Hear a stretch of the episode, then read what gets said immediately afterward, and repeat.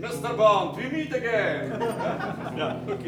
W kolejnym odcinku podcastu James Bond Team.pl witają Was Przemek Bartnik, jamesbond.com.pl i Marcin Tadera, jamesbond.org.pl. Dzisiaj kończymy, kończymy Przemek, omawianie e, szpiega, który mnie kochał, czyli trzeciego filmu ery Rogera Mura. W poprzednim odcinku, pomimo najszczerszych chęci, nie udało nam się dopowiedzieć filmu do końca. Chociaż jest to chyba drobne niedopowiedzenie, bo skończyliśmy na której minucie, jak dzisiaj się zorientowałeś? 48 chyba mniej więcej, a film ma chyba 120 minut mniej więcej? Jakoś tak, dwie godziny, nie? E, tak. Mhm. 4,5 godzinna sesja nagraniowa skutkowała omówieniem 48 minut filmu, co świetnie wróży na dzisiaj, ale nie, dzisiaj kończymy, tak, kończymy omawianie The Spy Who Loved Me. Dokładnie. Tym bardziej, że w sumie w poprzednim odcinku omówiliśmy dużo i zajęliśmy się zarówno kulisami, jak i postaciami, więc teraz pójdzie bardzo szybko, tak myślę. Zdecydowanie. Najkrótszy odcinek w naszej historii to będzie. Mhm. Mhm. To na czym my skończyliśmy? Skończyliśmy na scenie, w której e, James Bond i Ania As- Amasowa po konfrontacji z Jaws trafiają na łódź, płyną po Nilu. Tak jest, tą scenę chyba też już omówiliśmy, tak? Tak, tą scenę omówiliśmy. Skończyliśmy na tym, że Amasowa, pozorując odpalenie papierosa, uśpiła Bonda. Mhm, dokładnie tak. I James budzi się na brzegu, a masowej nie ma. Dociera do piramid. Znowu artystyczne zdjęcia, całkiem fajne ujęcia. No i oczywiście standardowo w sumie jak dla Mhm. wczesnych odcinków serii trafiamy do ukrytej bazy MI6. Tak, cały sztab MI6, bo i M, i Moneypenny, i Q podróżują po świecie najwyraźniej za śladami Jamesa Bonda. To kolejny taki przykład i nie ostatni w e, Moonrakerze bodajże będzie pod, bardzo podobna scena. To są sceny, które są absurdalne i które są groteskowe. Ja osobiście nie jestem ich fanem, bo to jest przesada, ale no okej, taka była wówczas konwencja. Tak, i to się w sumie ciągnie tak naprawdę od e, pierwszego filmu Louisa Gilberta, nie? Bo w You Only Live Twice już widzieliśmy taką przenośną bazę MI6 z Moneypenny na okręcie. Na Wtedy, gdzie okręcie. Moneypenny przekazywała hasło e, Seanowi I love you. To też przecież ten briefing był, wiesz, na okręcie podwodnym chyba, jak e, Shona wystrzelili, pozorując jego śmierć, zrzucili do e, oceanu, nie? Ach, tak, okej. I i tam mieliśmy taką pierwszą, Tak, tak, pierwszy przykład tej, e, jak to ująłeś, Prze- przenośnej bazy. plenerowej bazy Plenerowej bazy MI6. MI6, dokładnie. I później najbardziej chyba i najczęściej wykorzystywany motyw jest u Rogera Mura i jeden taki już omówiliśmy e, w przypadku Człowieka ze złotym pistoletem. Mhm. Gdzie jeszcze akurat e, ze względu na fenomenalną scenografię tego miejsca, bo przypom- przypomnijmy, to jest w Człowieku ze złotym pistoletem ta scena była pomyślana tak, że ta plenerowa baza MI6 mieściła się w e, częściowo zatopionym statku, który był przechylony pod kątem, myślę, 40, 45. 45 Mhm. stopni, e, dzięki czemu no, rzeczywiście tam e, scenografia była zachwycająca i bardzo pomysłowa. No, tutaj e, raczej nie zapadła mi to ten aspekt akurat jakoś szczególnie w pamięci. Mnie też nie, natomiast e, to też jest oczywiście koncepcja ciekawa wewnątrz piramid. Cała koncepcja była oczywiście z, zrobiona w studiu w Pinewood, ale to też, e, chociaż nie jestem pewien, czy w Pinewood, natomiast e, do organizacji tego chyba z tego, co słyszałem w komentarzu na, na Blu-rayu, e, zostali zatrudnieni jacyś studenci e, ASP, którzy malowali te wszystkie freski, tak żeby to wyglądało jak realne wnętrze piramidy. To też mnie zawsze, zawsze śmieszyło. No ale James mija właśnie tego typu wnętrza i rozmawia z Moneypenny i za chwilę jego oczom ukazuje się Gogol, co go strasznie dziwi.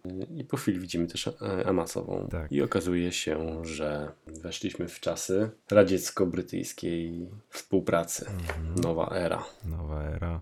No, odprężenie stosunków międzynarodowych najwyraźniej zaowocowało rzeczywiście zbliżeniem. O tym więcej mówiliśmy już w poprzednim podcaście, więc myślę, że nie ma. Chyba o tym mówiliśmy w poprzednim podca- podcaście. Powinniśmy byli przynajmniej o tym szczególe wspomnieć.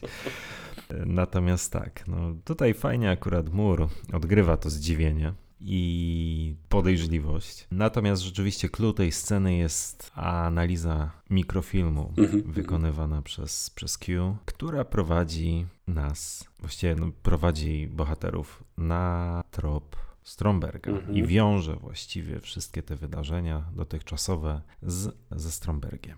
Najbogatszym człowiekiem świata, czy tam jednym z najbogatszych. Mhm, dokładnie tak. Mm, Później mamy taką standardową. I przepraszam, jeszcze tylko chciałem powiedzieć, że to akurat jest całkiem prosty, ale całkiem sprytny sposób na kontynuowanie akcji, na, na pójście ten krok dalej, jeśli chodzi o, o fabułę i powiązanie poszczególnych wątków. Tak więc to akurat no, scena jest istotna dla napędzania fabuły. Mhm.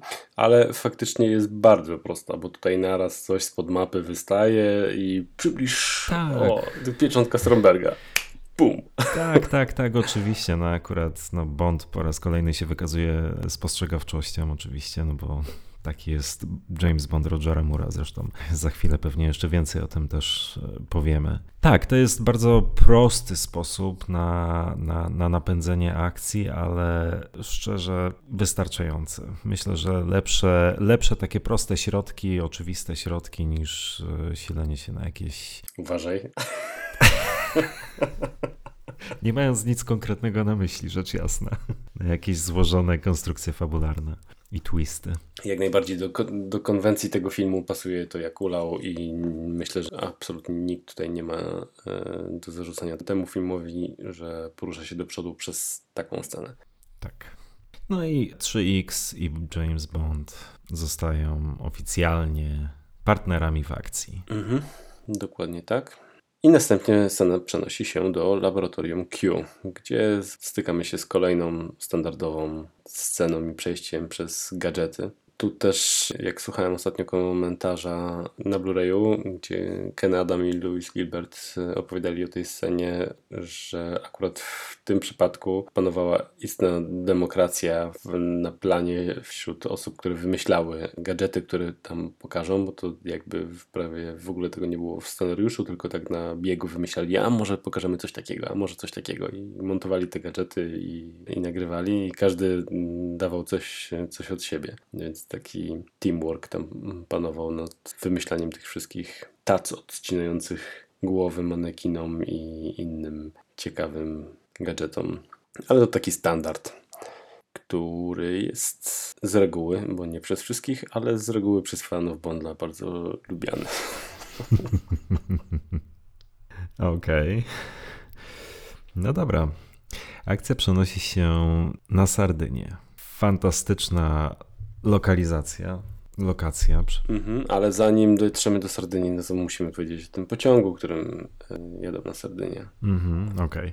No dobra. Scena w pociągu, która jest fajna, niefajna, zbędna, zbyt próbująca kopiować, zbyt oczywisty sposób próbująca kopiować pozdrowienia z Rosji. Bo co jest o tyle istotne, że pamiętajmy, że w tych powiedzmy w latach 70., czy do lat 70., kiedy ten film powstawał, no myślę, że scena bijatyki Jamesa Bonda z Red Grantem w pozdrowieniach z Rosji to był jeden z nadal najmocniejszych elementów e, Serii. serii. Mhm. Tak, i w sumie tak naprawdę do tej pory jest uważana za jedną z najwybitniejszych scen i totalnie za zasłużenie.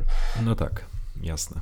I tak, chyba sam Kawi Brokoli, z tego co też w tych komentarzach dało się usłyszeć, miał mocne obiekcje i chciał usunąć tą scenę ze względu na to, żeby właśnie nie kopiować. Ale postanowili ją zachować i ja szczerze mówiąc kompletnie nic do niej nie mam. Jeżeli chodzi o scenę z Joesem, to uważam, że jest to najlepsza scena z nim w, w tym filmie. Fajny, no może jeszcze poza piramidami, o których e, też e, opowiadaliśmy na, na samym początku w Gizie. Natomiast fajna scena, fajny klimat horrorowy, rażenie prądem po zębach i tego typu sztuczki. Dla mnie okej. Okay. Pewnie, pewnie gdyby pokazać tę scenę elektrykowi, to by się z tobą nie zgodził, ale, ale nieważne. Ważne jest to, bo ja tam się nie znam, jestem humanistą, więc no niekoniecznie muszę się znać. Ja skończyłem elektrotechnikę z elementami ekonomii na Wydziale Elektrycznym, więc e, mam nadzieję, że dziekan mnie nie słucha.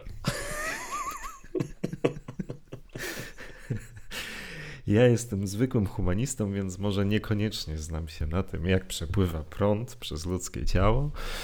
Ale dobra, nie, już tak na poważnie. E, cokolwiek nie mówić o tej scenie, ona ma jedną bardzo ważną zaletę. W niej Jules faktycznie budzi grozę. Mhm. To znaczy, udaje mu się, co jest chyba rzadkością, a przynajmniej tak ja tę scenę odbieram, że udaje mu się rzeczywiście e, Jamesa Bonda przerazić. Mhm. Jamesa Bonda Rogera. I Amasową. I Amasową, mhm. tak, ale James Bond grany przez Rogera Mura wydaje się być rzeczywiście zdominowany przez Jolesa. Wydaje się, że Bond rzeczywiście obawia się Jolesa, boi się Jolesa i ta scena, choćby ze względu na ten jeden e, element, się jak najbardziej broni. Tak, i tam jest w ogóle taki super jumpscare, gdzie zaczyna być e, słychać jakby tą syrenę pociągu, i w tym momencie otwiera się szafa i pojawia się Jaws. Nie? Tak. E, rewelacja. Więc odpowiadając na Twoje pytanie, ja uważam, że nie jest zbędna, jest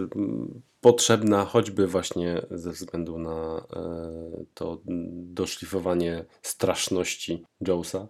Ja ją lubię. Ten wypad przez okno jeszcze, to ciekawe też gdzieś doczytałem, w tamtych czasach nie było szyb z cukru, jak są stosowane w tej chwili albo w późniejszych latach, tylko kaskader tam skoczył przez prawdziwe okno i się tam podobno dorobił sporo szwów na głowie, ale no, to taka mini ciekawostka. Jak kiedyś kręcono filmy. Niezły hardcore. Niezły hardcore, ale tak. I teraz tak.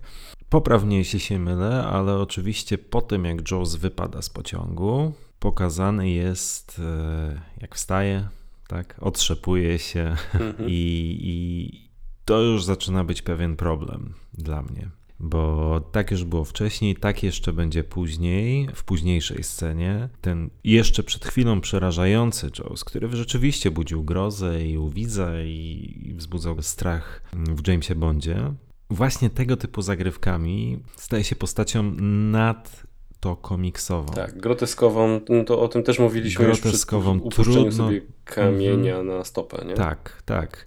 Cały wysiłek twórców, żeby tą postać zbudować i zbudować w sumie całkiem ciekawie, właśnie tymi momentami sprawia, że no nie sposób go brać poważnie. Mhm. Tak, no zdecydowanie.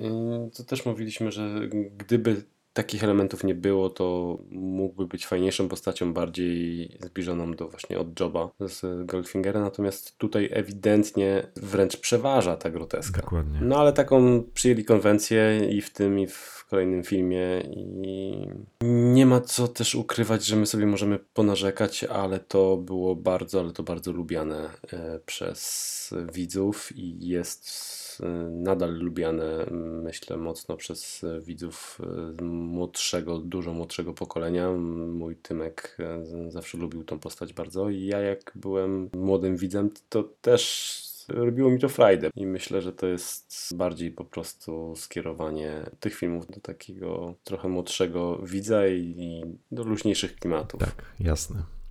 Sardynia? Sardynia. E, Sardynia nie byłem, a bardzo bym chciał i mi w tym roku bardzo mało brakowało, żebyśmy tam e, się mm -hmm. zjawić na wakacjach, ale stwierdziliśmy, że jest bardzo drogo, więc wybraliśmy inny kierunek, ale bardzo bym chciał tam. Ale Sardynia z całą pewnością, znaczy Sardynia jest e, bardzo, bardzo wysoko na mojej liście miejsc do odwiedzenia. Między innymi za sprawą tego filmu, ale też powieści Charlie'ego Hicksona, Hicksona o młodym Bondzie. Mhm. Krwawa gorączka, jeśli mnie pamięć nie myli, której akcja się rozgrywa na Sardynii. I powiem szczerze, e, zakochałem się w Sardynii właśnie dzięki lekturze tej właśnie książki o Bondzie, która jest tak naprawdę literaturą young adult, ale Hickson tak fantastycznie opisał to miejsce, że już wówczas stwierdziłem, że ja tam chcę jechać. No, lecieć pewnie, ale tak, to, to miejsce zdecydowanie jest bardzo wysoko na, na mojej liście e, miejsc, w których koniecznie muszę zawitać. No dobra, no to za rok możemy się tam zgadać i możemy być razem. Ależ będą foty na grupie. Chociaż boję się o nasze wątroby. Ale dobra. E, Nie okej, rozumiem. Sardynia. Tyku przytyku. Sardynia. Port w Sardynii. Scena w porcie, w której widzimy Q zjeżdżającego z promu. Można by się zastanawiać, po co była ta cała podróż pociągiem, skoro mogli przepłynąć tym samym promem, ale myślę, że odpuścimy sobie złośliwości dzisiaj. Tym bardziej, że... Tym bardziej, że ruszali najprawdopodobniej z tego samego tego miejsca. samego chyba, miejsca. chyba, że Q jakoś szybko musiał się przedostać w inne miejsce, żeby wziąć tego Lotusa i przedostać go na promo, ale dobra. Pewnie. Natomiast y, jeden taki mikrofragment, w ogóle nie wiem, czy do wycięcia, ale y, Roger Moore chyba bardzo lubi jeździć dorożkami, bo tam jest taki krótki moment, kiedy James znowu z swoją partnerką przemieszcza się dorożką gdzieś. No, to samo jest tak. w kolejnym, już mówiliśmy o tym chyba w przypadku tylko dla twoich oczu, na śniegu. Mhm. A nie wiem dlaczego dorożka mi zawsze jakoś pasuje do Rogera Moore'a. ale coś w tym jest. Tak, i Q próbuje prezentować e, samochód, aczkolwiek zdecydowanie odbiega to e, od takiego pokazu samochodu jak w Goldfingerze. Tam widać bez dialogu, że on coś pokazuje Jamesowi, że tu, są jakieś tam gadżety i to tyle. Tak, bo my tę e, scenę obserwujemy z perspektywy stojącej nieco w oddali Amasowy. Co jest w sumie dość e, ciekawym zabiegiem, bo no z jednej strony oszczędza się nam oczywiście tych zbędnych linii dialogowych. Ewidentnie widzimy, że Q coś Bondowi pokazuje, ale to jest bardzo ciekawy zabieg, który nie przygotowuje widza na to, jakie niespodzianki tym razem nam przygotowano. Mhm, mhm. Co no, w przypadku Lotusa oczywiście będzie bardzo. No tutaj twórcy dużą inwencją twórczą się popisali. Mhm. W sumie to jest fajny zabieg, tak, tak jak mówisz. bo- Bardzo bo- fajny, bardzo ciekawy, coś innego. Tak, coś innego i świetna ucieczka od tego, czego ty nie lubisz, czyli tu pre- prezentujemy ci gadżet, to robi to i za chwilę dokładnie widzisz, e, jak jest to, to używane, a tu mamy taką wielką niespodziankę i tak, Mhm. super. Tutaj jest jeszcze jedna ciekawostka w tej scenie, bo Amasowa zwraca się do Q per majorze Boothroyd. Nie wiem, czy po raz pierwszy od pozdrowień z Rosji? W każdym razie, no rzeczywiście filmowa seria na tym etapie już nas odzwyczaiło od utożsamiania filmowego Q z jego powieściowym e, nazwiskiem, czyli właśnie Boothroyd, Major Boothroyd. Fajny, fajny ukłon, Mhm, Miło. mhm. To prawda. I tak, James wsiada do Lotusa razem z Amasową, zostawiając Q, pytając, czy kiedykolwiek go zawiódł. Frequently. frequently. Ikoniczna scena też. Super. I udają się do hotelu. Do hotelu, gdzie jak tym razem oglądałem szpiega, to strasznie mi ta scena przypominała Casino Royale. I Mhm. kwestie rozmowy z recepcjonistką, informacji o dwóch oddzielnych e, sypialniach, coś na, na wzór gadki z Vesper. Coś w tym jest, tak. Tutaj też zresztą Bond melduje się pod fałszywym nazwiskiem Sterling, Robert Sterling. Mhm. Mhm. Z małżonką. A w Casino, jeżeli to było nawiązanie w sumie do tego filmu, to jak wiadomo, Craig stwierdził, a fuck it, Bond. Ale Bond rezerwacja i była bodajże Amasowa na nazwisko. Płyną na Atlantydę. Mhm. Tak, tak, Tam tak. jeszcze w międzyczasie... No dobrze. Przepraszam, Marcin, to ten długi czas oczekiwania, ale rozmowa o Sardynii tak no, mnie nastroiła, że musiałem zrobić Aperol Spritz. A dzisiaj właśnie myślałem o Aperolu. Jak robisz Aperol? Znaczy nie mam aperolu, ale myślałem nad kupnem. Z Prosecco robisz, czy z... Z Prosecco, z Prosecco. E, Standardowo, czyli 3, 2, 1. Trzy miarki Prosecco, dwie miarki Aperolu, jedna miarki wody gazowanej, cytryna, lód. Pomarańcz, nie cytryna. I co ty robisz z tym Prosecco? Co ci zostaje? Mm, Jak to? Nic nie zostaje, wszystko wiem. Wiesz co, e, w butelce zostawiam w lodówce, mam taki korek niby, który wiesz, tam wkładasz do, do butelki i w sumie teraz piję takie tygodniowe Prosecco. Luz. Hmm. Okej. Dobra opcja i szczególnie na e, upalne dni, a kurde, takie upały jakie mamy teraz, mm, Nie, nie, no ja myślę, że koniecznie. dawno nie, nie doświadczyłem 20 stopni, więc e, koniecznie zamarzył mi się aperol. Dobra, jedźmy dalej i przechodzimy chyba płynnie do Naomi. Tak. Caroline Munro podpływa motorówką i jest to kolejny henchman w sumie. E, henchwoman, przepraszam, Stromberga. I tutaj to już jest trzecia taka postać chyba, nie? Tak. Sandor, Jones i Naomi. Aczkolwiek tu wydaje się jeszcze Tak. bardzo przyjazna. Na swój sposób. Znaczy ona w ogóle cały czas jest przyjazna na swój sposób. Szczególnie taka też wydaje się Jamesowi, który jest zachwycony kształtami jej motorówki. Będziesz musiał ten kaszel ostro wycinać. Ale tak, bardzo ładnie to ująłeś. Tak więc Bond zaczyna, no, jak to Bond, swój czar roztaczać, co najwyraźniej nie podoba się 3X. Tym bardziej, że o czym nie wspomnieliśmy, po wyrzuceniu Jonesa z pociągu bardzo się ociepliły stosunki A, pomiędzy Triple X a Jamesem Bondem.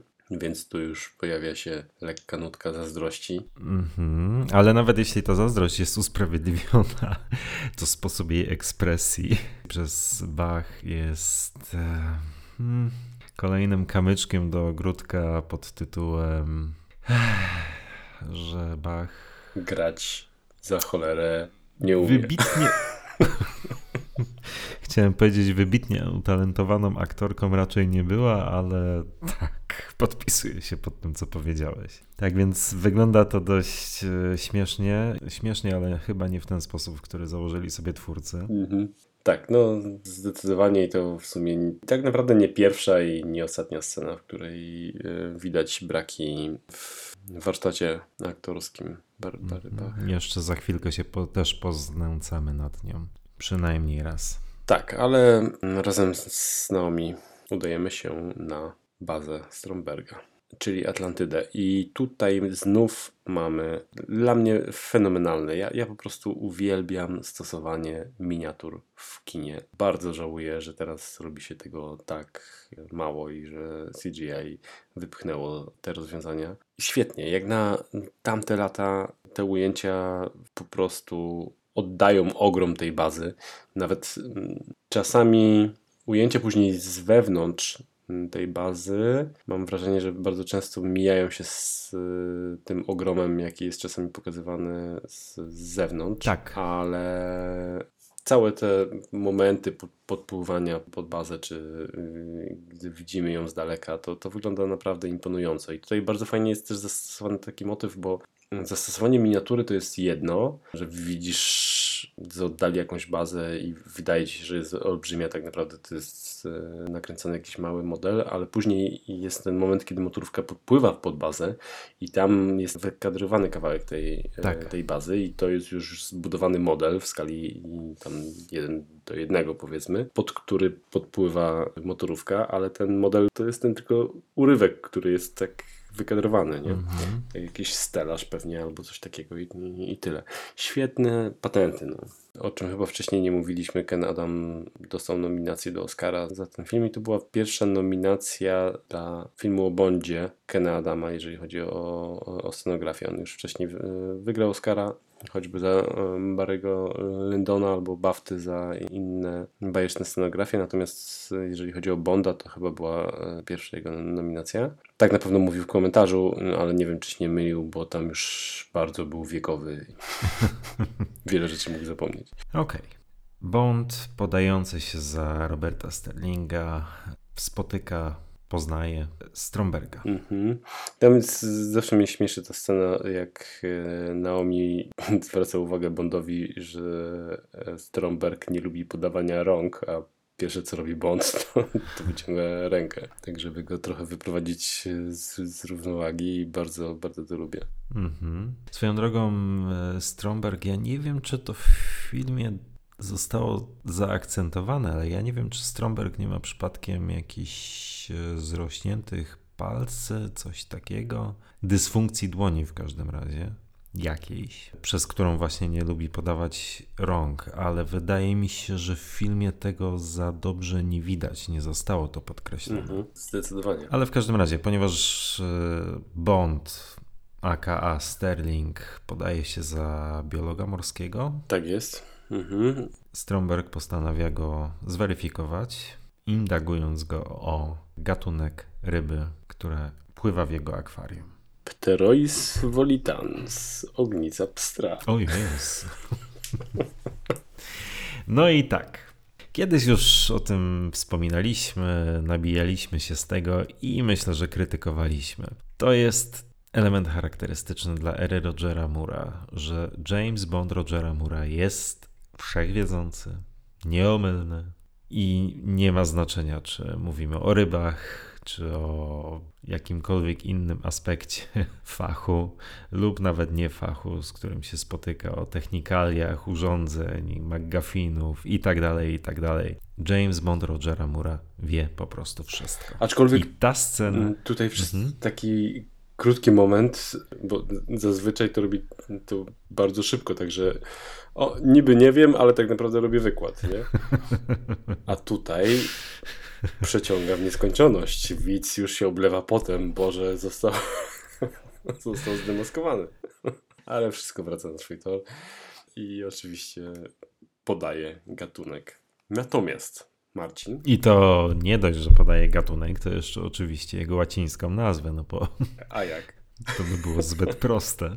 Tak, ale tutaj wyczytałem znowu u naszego kolegi Michała Grześka i to jest też fajne, że 007 popisując, cytuję, e, Michał, mam nadzieję, że nie będziesz miał mi za złe, popisując się swoją, 007 popisując się swoją znajomością podwodnej fauny popełnia pewną nieści, nieścisłość. Ognica pstra nie jest do końca śmiercionośną rybą, choć jej jad może spowodować poważne uszkodzenia ludzkiego organizmu i doprowadzić do zgonu. Kolejną niekonsekwencją jest umieszczenie ryby w wodach Morza Śródziemnego. Ryby z gatunku Pterois volitans występują jedynie we wschodniej części Oceanu Indyjskiego i zachodniej Pacyfiku. Ta nieszkodliwa nieścisłość jest zapewne wynikiem tego, że zdjęcia ryb pochodziły z podwodnego miasteczka na japońskiej Okinawie, o czym zresztą była już wcześniej mowa. To już nawiązanie do wcześniejszych słów Michała w książce. Więc Chociaż wydawało mi się, że ta, ryb, że to pływa, ta ryba pływa w akwarium, a nie... A masz sumie rację. To nawet takie bym powiedział akwarium trochę przypominające akwarium doktora No. Tak, właśnie dzisiaj oglądając jeszcze na chwilę przed podcastem końcówkę tego filmu z Tymkiem, to jak Bond tutaj zjeżdża, to mój młody od razu wow, dokładnie jak u doktora No. Mhm. Też nawet mówi, nawet chyba szyby są powiększające. Eee, No właśnie, tak, tak, tak. Też mi się tak wydaje, że tam jest powiększające szkło. Mhm. I to jeszcze e, o czym nie wspomnieliśmy, to James patrzący przez okna na to akwarium, pierwsze co zauważa to rękę asystentki Stromberga, nie? Też jest taka śmieszna scena. On patrzy na rybę, a tam leży jej kawałek, kawałek jej ręki. Zgadza się. Ale kończąc jeszcze właśnie ten wątek, o którym przed chwilą rozmawialiśmy, czyli tej wszechwiedzy Bonda, tego również, to w filmie również nie wybrzmiewa.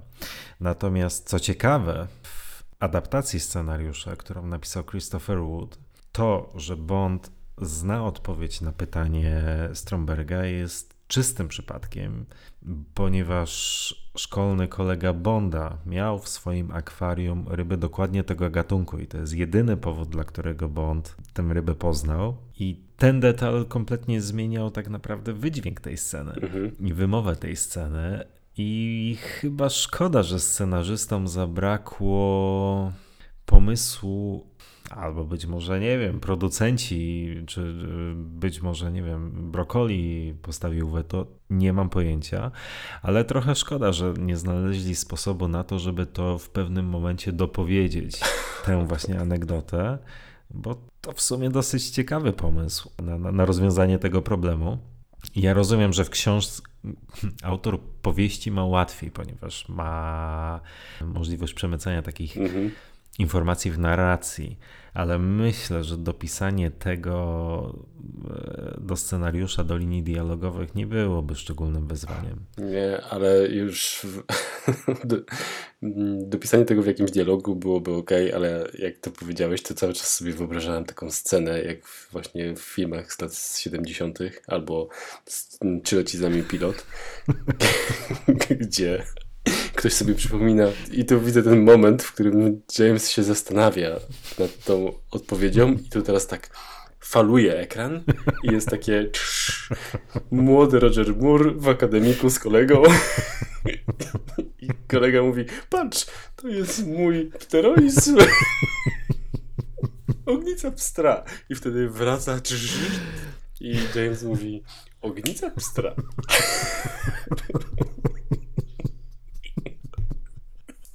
Ale to i tak byłoby lepsze niż to, co dostaliśmy w gotowym Nie, filmie. Marcin, nie.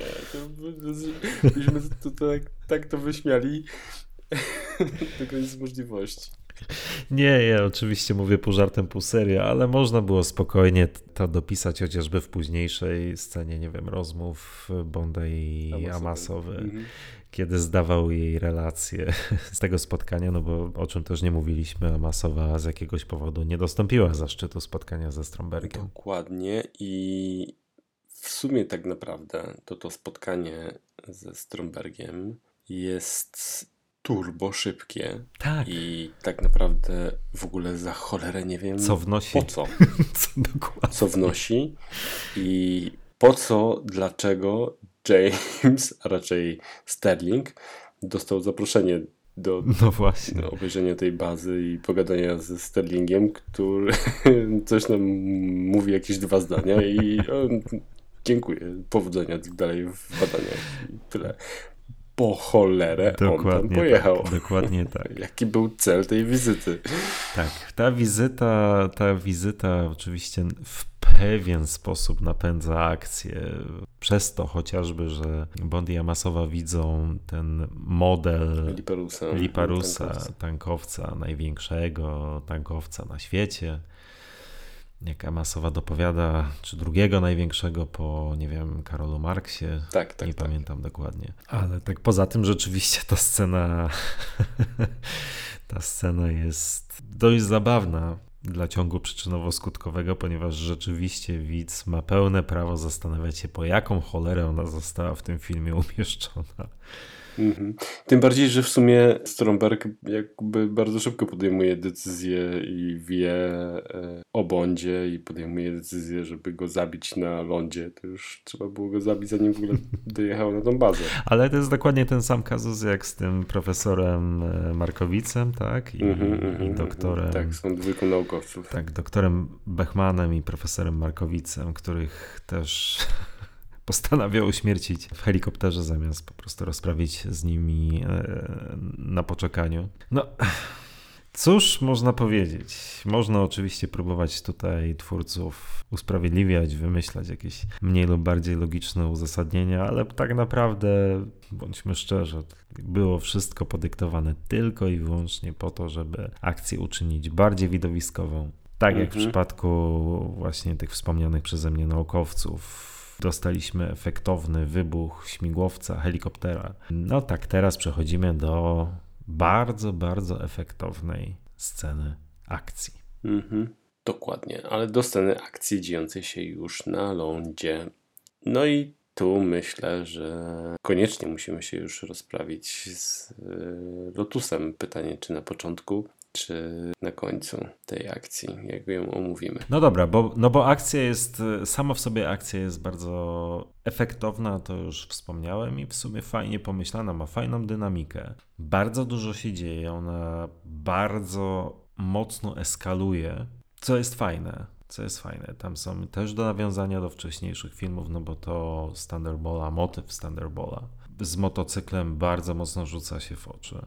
Jest to wszystko świetnie nakręcone, ukraszone bardzo fajną muzyką. To też... Do pewnego momentu jest rewelacyjne, ale przepraszam, to też Przerwałem ci. Nie, to ja tak naprawdę przerwałem, ale chciałem tylko wtrącić, że tu kolejny raz widzę takie jakby nawiązanie później w filmach, znaczy nawiązanie, może to za, za dużo powiedziane, ale w Quantum of Solace moment, w którym e, Astonem mieści się między jednym tirem a, a drugim mm, w tunelu na samym, na, samym początku, bardzo mi przypomina tą scenę, jak tutaj Lotus w pewnym momencie wymija Aha. E, jednego tira i skręca przed drugim i jest to nagrane bardzo fajnie, mega dynamicznie. Bardzo, bardzo lubię tą scenę i teraz jak ją oglądałem, to od razu mi się skojarzyło z Quantum, z wejściówką, którą absolutnie mhm. uwielbiam. I tutaj to też zostało e, rewelacyjnie nagrane, a może nawet trochę bardziej niż w Quantum, bo w Quantum zawsze mam wrażenie, że za cholerę i tak by się nie zmieścił między, między tym, e, tymi dwoma samochodami, a tutaj to wygląda super realnie, zajebiste przyspieszenie, pięknie się wciska między jeden e, a drugi i ta rakieta z przyczepy motoru trafia prosto w tira. Świetna scena. Mhm.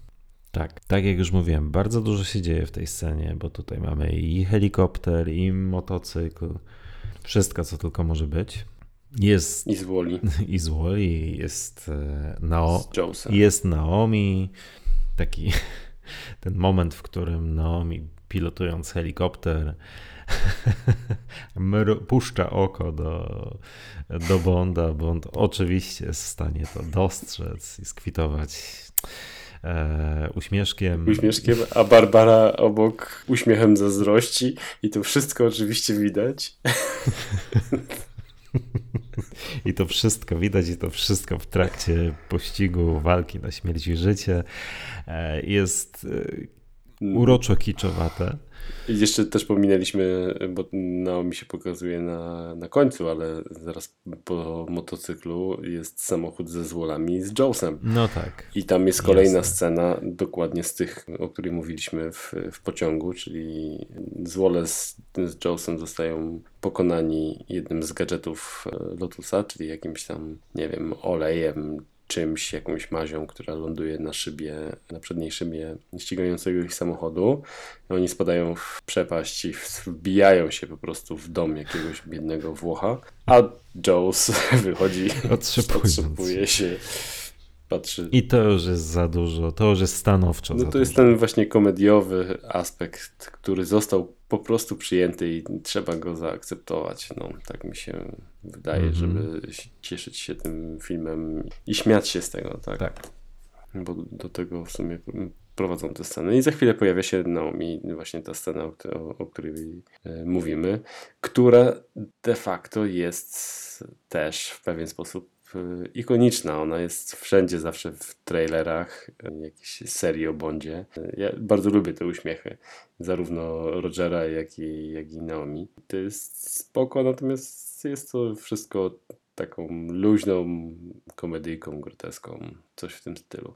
Ale nie da się ukryć też, że te ewolucje tego helikoptera, te nawroty, zarówno tak. Lotusa, jak i mm -hmm. dynamiczne zwroty helikoptera są fantastyczne. Tak, tak, dlatego e, omawiając tę scenę, no rzeczywiście warto mimo wszystko podkreślać to, co autentycznie budzi podziw, bo pod względem realizatorskim i montażu, zdjęć, efektów itd., tak itd., tak ta scena to jest perełka. Można zrzymać się na poszczególne rozwiązania e, i decyzje twórców, jasne, natomiast pod względem technicznym to jest Mistrzostwo Świata. I kaskaderskim umiejętności I kaskaderskim, e, kierowcy, pilota to robi mega wrażenie. I uwielbiam ten moment, kiedy on jakby tak markuje nawrotkę, nawrotkę tak. i niby jedzie w drugą stronę, a za chwilę drugą, a helikopter naprawdę słabo daje się zwieść, bo momentalnie zawraca i to jest świetnie, świetnie tak. nagrane. Zgadza się. W tej scenie też mamy chyba jeden z najbardziej czerstwych one-linerów w całej serii, co warto podkreślić. Czyli w momencie, w którym jeden ze złoli, e, Boże, jak to dokładnie było, s- wygląda w filmie, spada w przepaść. A, tak, tak, tak. Ten, ten mówisz o tym na motorze, tak? Na Mhm, motocyklu. mhm. Mhm. Bond kwituje to słowami mniej więcej. Tyle piór, a nadal nie umie latać. To jest taki suchar. Generalnie humor w tym filmie jest niezły, naprawdę niezły, ale to jest po prostu tak czerstwy tekst, że no, facepalm to mało. Mhm. Mhm. Tak. Jeszcze z, takich nawiązań, późniejszych filmów, nawiązań do tego, to też em, poza mm, tym, że pomyślałem o Quantum, jak oglądałem tą scenę, to też pomyślałem o Kseni, ona top, e, ścigającej się z, z Piersem i no tutaj Nao- Naomi z, z Rogerem. Też Mhm. taka myśl mi wpadła do głowy. Natomiast tak, suchar jak najbardziej. No i za chwilę e, Lotus śmiga pomiędzy strzałami helikoptera i trafia na pomost.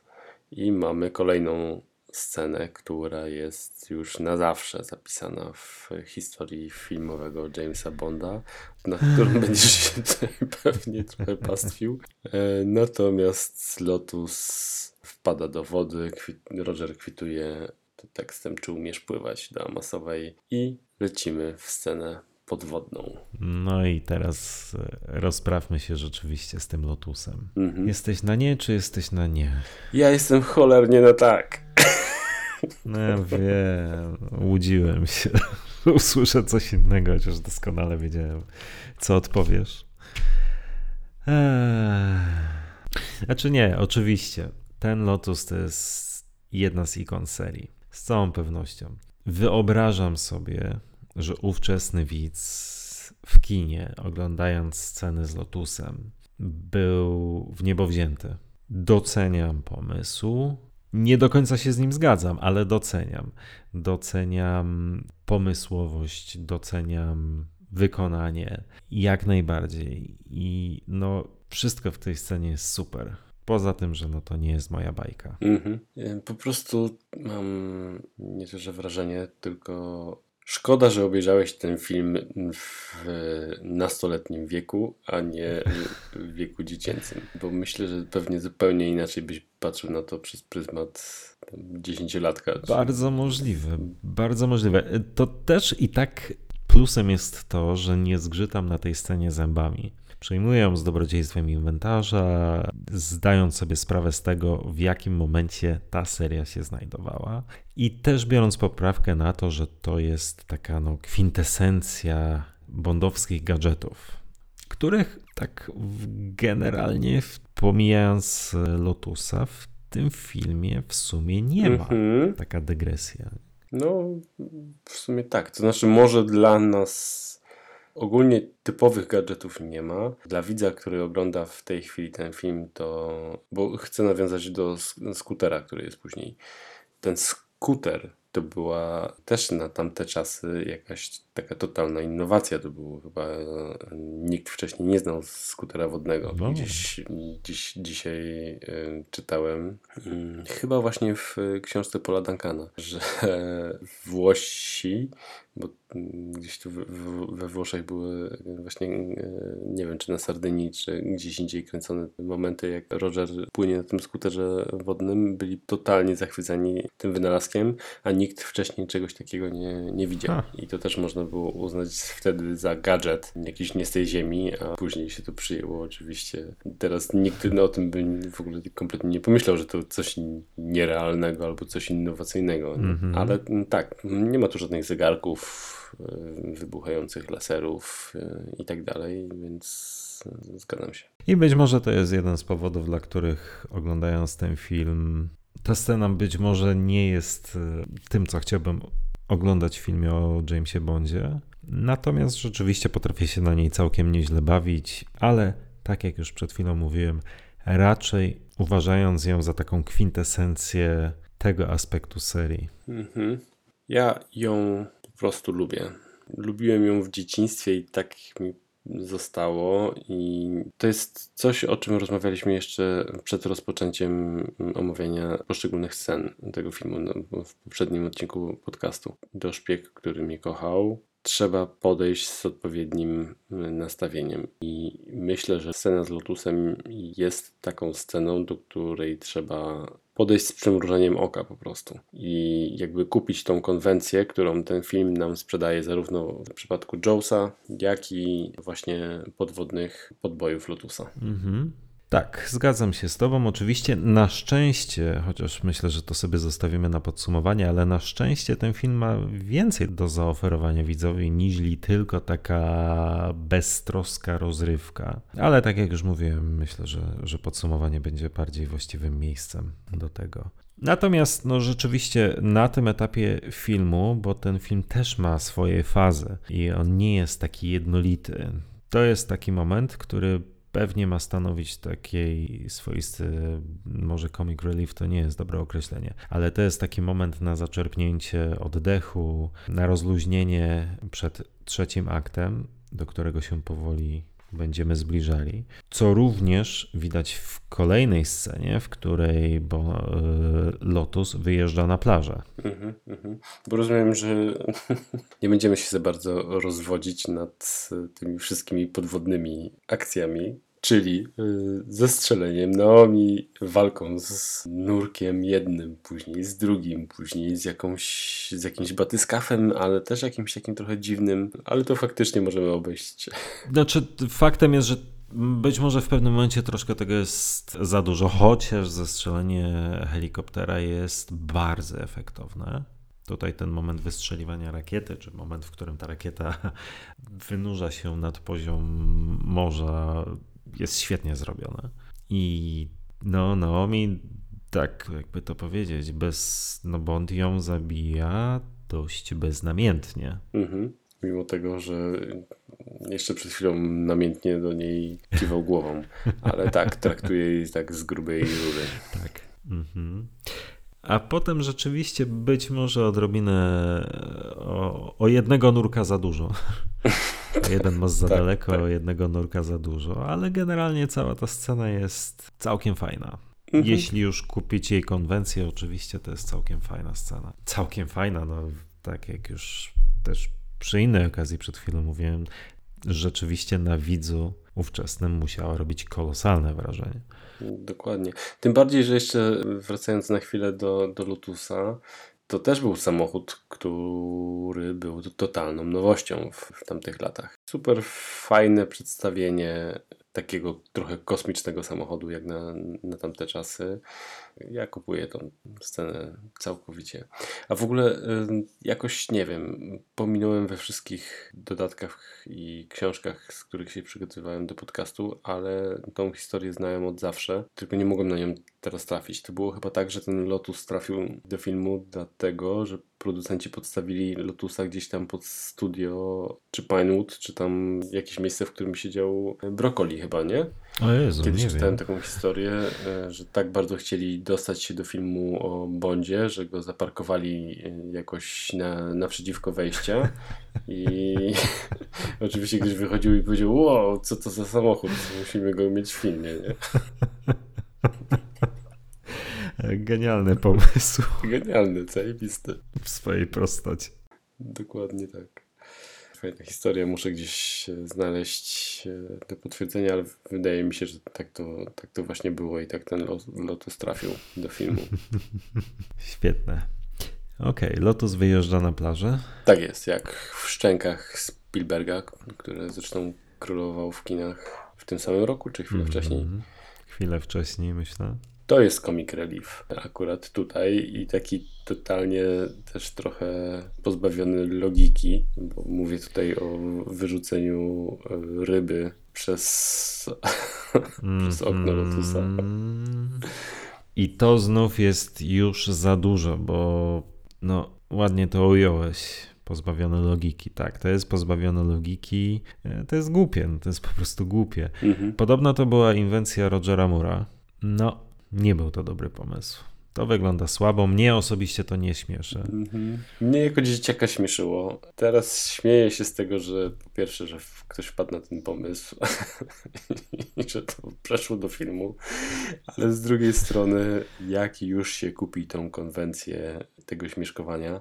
Jak jesteś w tym klimacie, że tutaj mamy takie komiczne sceny z Joesem, tutaj y, samochód staje się łodzią podwodną, to dlaczego by nie już wyrzucić tą rybę? Tym bardziej, że chwilę wcześniej widzimy też tego gościa, który pije jabola na plaży. To jest fantastycznym motywem, który zresztą będzie później powtarzany w kolejnych filmach. I... Jeszcze dwukrotnie, tak. Zobaczymy postać tego pijanego Włocha w Moonrakerze i w tylko dla twoich oczu. Dokładnie. Tak, i to akurat jest świetne. Motyw tego pijanego Włocha, którego grał któryś z członków ekipy, już tak, nie tak, tak. pamiętam szczerze mówiąc, który dokładnie, ale, ale, ale ten motyw rzeczywiście jest świetny. Mhm. I taki humor, tak, jak najbardziej. Ten z rybą nie. Zawsze możesz sobie tłumaczyć, że ten motyw z rybą był e, widziany z oczu tego gościa z jebolem. to chyba rzeczywiście miałoby najwięcej sensu w tym wszystkim. Ale i tutaj też wracam do mojej myśli sprzed chwili, ponieważ ten film ma więcej niż tylko tą śmieszną, luźną konwencję, to za chwilę klimat się nieco zmienia. Co też jest zaletą tego filmu. Naprawdę jest on całkiem urozmaicony. I, i, I teraz ten klimat się zmieni, i teraz też zmieni się James Bond. Nie tylko w tej scenie, o której za chwilę opowiemy, bo ona jest, to jest być może najważniejsza scena w tym filmie. Natomiast y, Roger Moore niemalże do końca filmu, poza drobnymi wyjątkami, będzie już grał zupełnie inaczej. Mhm. Nie wiem, czy zwróciłeś na to uwagę, ale od tej pory Roger Moore będzie grał znacznie poważniej kolejne sceny. Zgadza się.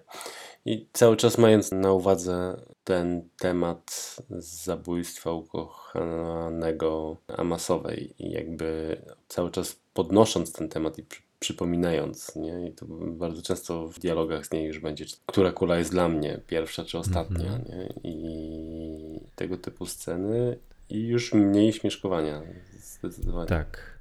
Tak więc e, Roger Moore zwyczajowo rzeczywiście jest utożsamiany z tą luźniejszą konwencją Jamesa Bonda, ale faktem też jest, że zarówno w tym filmie, jak i w większości filmów Roger Moore potrafi przybrać bardziej poważną maskę i Roger Moore wie, jak widzów rozluźnić i rozśmieszyć, ale też wie, kiedy, kiedy przestać. A ta scena, o której teraz opowiemy, będzie tego najlepszym przykładem, ale opowiemy o niej po przerwie technicznej. Idzie nam świetnie, już 10 punktów moich notatek omówiliśmy w półtorej godziny. Ale mm, myślę, że złapaliśmy flow i całkiem spoko. Mhm. Nie zapeszajmy. Ale tak, zgadzam się z tobą. Czyli scena, o której mówimy, to jesteśmy w pokoju hotelowym. Recepcjonistka rodem z nieustraszonych pogromców wampirów dostarcza wiadomość dla Jamesa. A w pokoju James odpala papierosa masowej zapalniczką. Dodajmy tylko, że w tej wiadomości, mhm. przepraszam, dodajmy tylko, ponieważ to też w pewnym sensie napędzi troszkę e, akcję, że w tej wiadomości jest lista portów, w których cumował Liparus. Tak jest, kompletnie o tym nie pamiętałem. Ale ważniejsze jest to, co, do czego zmierzałeś oczywiście, to jest najważniejsze. Clue tej sceny. Tak, czyli James odpala papierosa masowej zapalniczką, informując, że kupił ją w Austrii trzy tygodnie temu i wtedy Amasowa zaczyna sobie składać puzzle i wychodzi na jaw, że był dokładnie wtedy, kiedy jej partner i że to on jest odpowiedzialny za śmierć jej partnera. Mhm. I powiem tak, scena, w której James Bond najpierw przyznaje, że nie jest pewien, czy to on zamordował kochankę Amasowej, bo jak on to ujmuje, że trudno jest e, skupiać się na twarzach, kiedy pędzi się na nartach pod ostrzałem.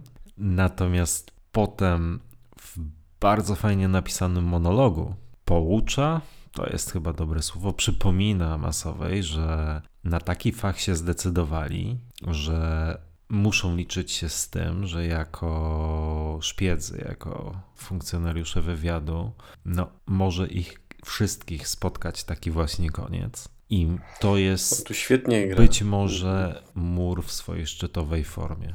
Ten jego monolog jest świetnie, fantastycznie, fenomenalnie zagrany. Bardzo przekonujący. Mhm. I ta scena ma taki potencjał dramatyczny, który zostaje wykorzystany w 100% w tej scenie, W tej scenie, o właśnie. ale nie w filmie. Dokładnie E, tak. I tak naprawdę ta scena bardzo się odnosi do, do tytułu filmu. Generalnie wokół tego powinien się kręcić ten film. Trochę tak czasami mi się wydaje, jeżeli byśmy obrali konwencję mniej Zgadza się. śmiesznostkową, mniej luźną, Widowiskową. widowiskową, to Mhm. wo- według y, mnie właśnie wokół tego powinien się kręcić ten film i pewnie to byłby lepszy film, może tak, ale na pewno jestem też przekonany, że miałby mniej zwolenników y, niż końcowa wersja tego filmu. Mhm.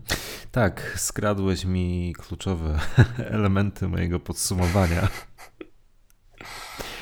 Ale dokładnie, dokładnie to samo chciałem powiedzieć i dokładnie mamy takie samo zdanie. Wątek dwojga szpiegów, dwojga agentów, których może poróżnić śmierć kochanka jednego z nich, czy partnera jednego z nich, ukochanego jednego z nich, a drugie jest za to odpowiedzialne, jest fantastycznym punktem wyjścia do zrobienia filmu wyjątkowego.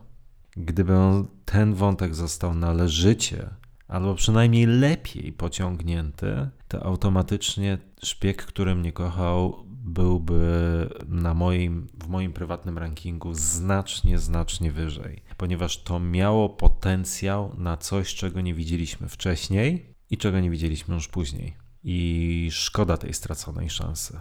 A ta scena, ten monolog Bonda, dawał nam namiastkę tego, czym ten film mógłby być. Mhm. I ja chciałbym cholera zobaczyć właśnie ten film. Tak, też bardzo chciałbym zobaczyć ten film. Uważam wbrew pozorom, że Roger Moore by temu podołał. Nie wiem, czy pod, albo nie podołałaby temu Barbara Bach. Może wtedy trzeba by się zastanowić nad recastingiem. Natomiast na pewno jestem przekonany, że Albert Broccoli by poległ na takim Mhm. podejściu do sprawy, a świetność serii nadal stałaby pod znakiem zapytania. Zgadzam się z tobą i to nie był czas na tego typu film. To Mhm. nie był czas na tego ty- typu film, ale ten film mógłby powstać 4 lata później, czyli wtedy, kiedy powstawał tylko dla twoich oczu. Mhm. Czemu Mhm. nie? Po Jasne. szpiegu, który mnie kochał, który był olbrzymim sukcesem.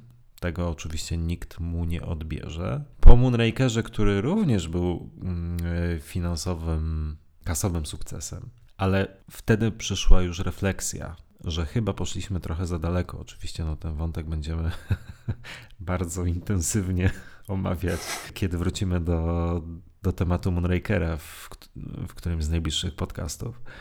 Mm, Ale wtedy nasz, przyszła już refleksja, że poszliśmy trochę za daleko, że nie do końca chyba ta seria miała tym być i to byłby moment, w którym ten film, o którym przed chwilą mówiliśmy, mógłby powstać. Mhm. Mhm. A co do recastingu Barbary Bach, no to e, no tak, to by było Konieczne. konieczne, ponieważ w tej scenie Mur daje z siebie wszystko, jest wspaniały, Mhm. ale Barbara Bach tę scenę kładzie totalnie. Ona jest tutaj beznadziejna. Więc czapki z głów dla Mura, że potrafił tę scenę udźwignąć, mając tak beznadziejną partnerkę do, jej- do jej zagrania. Mhm.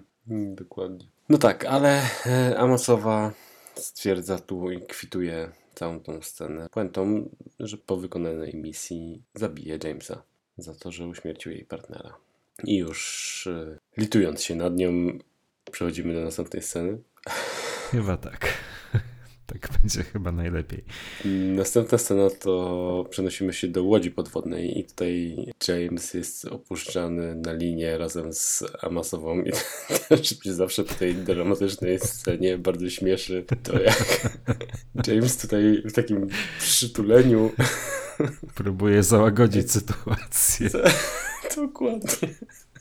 I ten cały dramatyczny Aha. y, aspekt, o którym mówimy, już tutaj jest trochę kładziony przez Rogera tym, tym razem. Wygląda to mocno komicznie. Zresztą z, razem w zestawieniu z miną Amasowej podobnie. No właśnie, tak jest. Tak.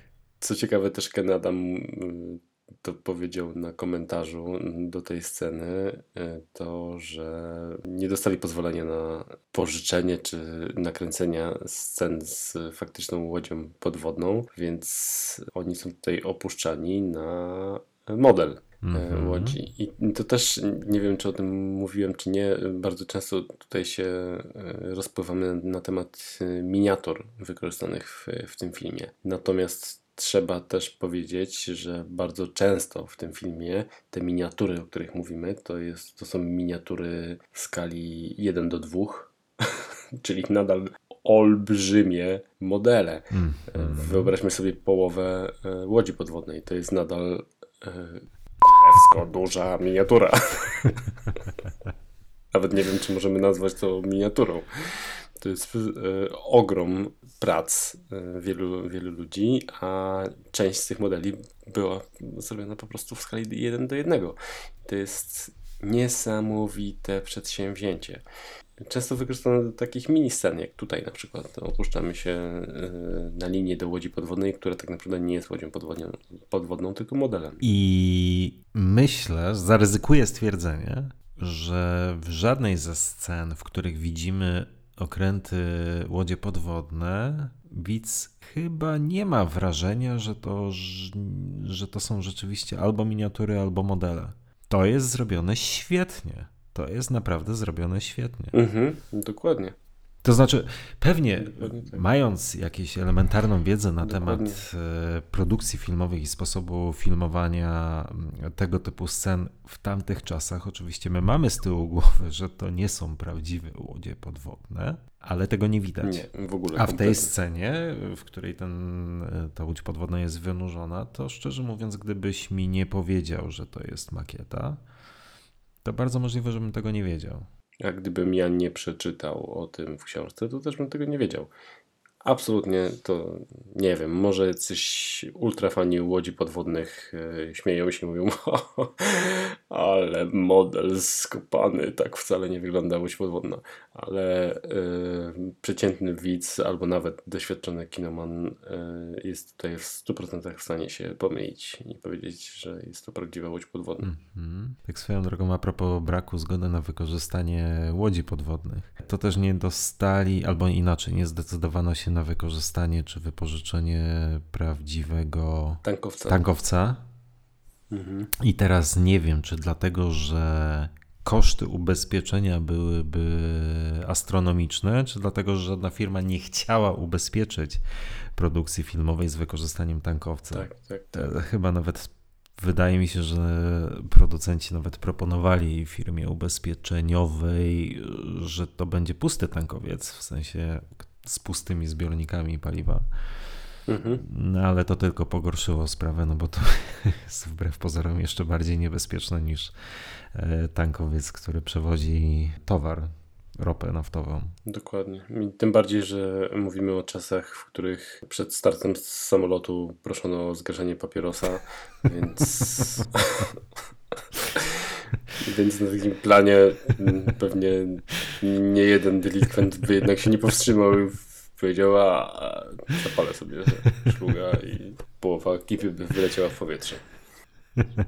Tak, ale generalnie rzeczywiście po raz kolejny czapki z głów dla speców efektów specjalnych w tym filmie, bo naprawdę sceny, które się rozgrywają na łodziach podwodnych, z wykorzystaniem łodzi podwodnych i wewnątrz łodzi podwodnych, tutaj akurat te bardziej ukłony w kierunku scenografów, naprawdę budzą uznanie. Mhm. A tym konkretnym okrętem podwodnym, na którym teraz rozgrywa się akcja, jest USS Wayne, czyli okręt podwodny, atomowy okręt podwodny amerykańskiej marynarki wojennej, którą pod dowództwem e, komandora Cartera, bardzo fajnej postaci.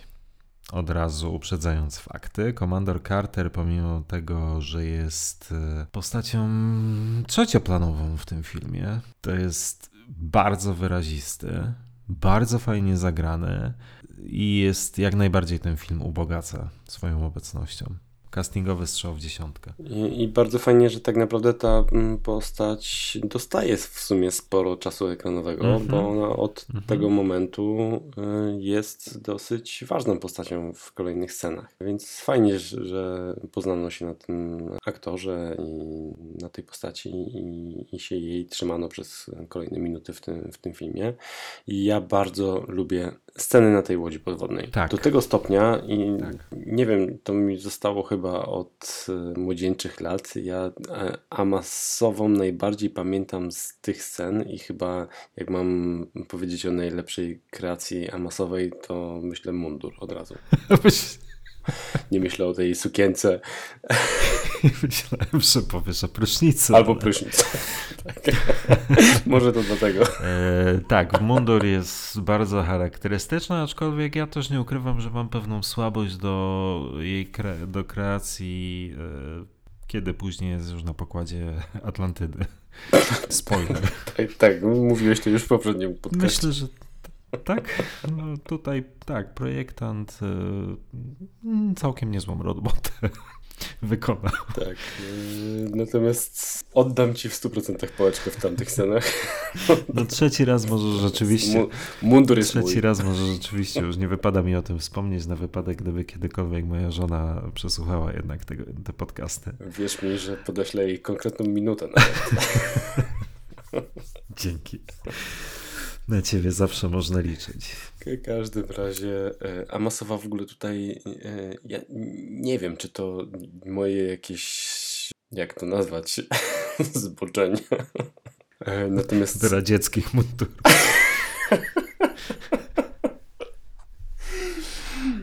do radzieckich agentów w mundurach.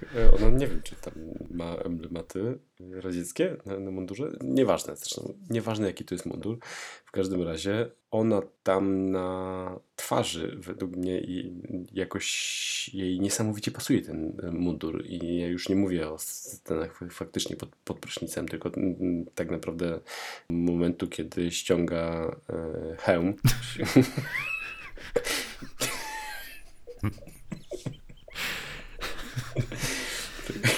nie nazista, tylko Rosjanin.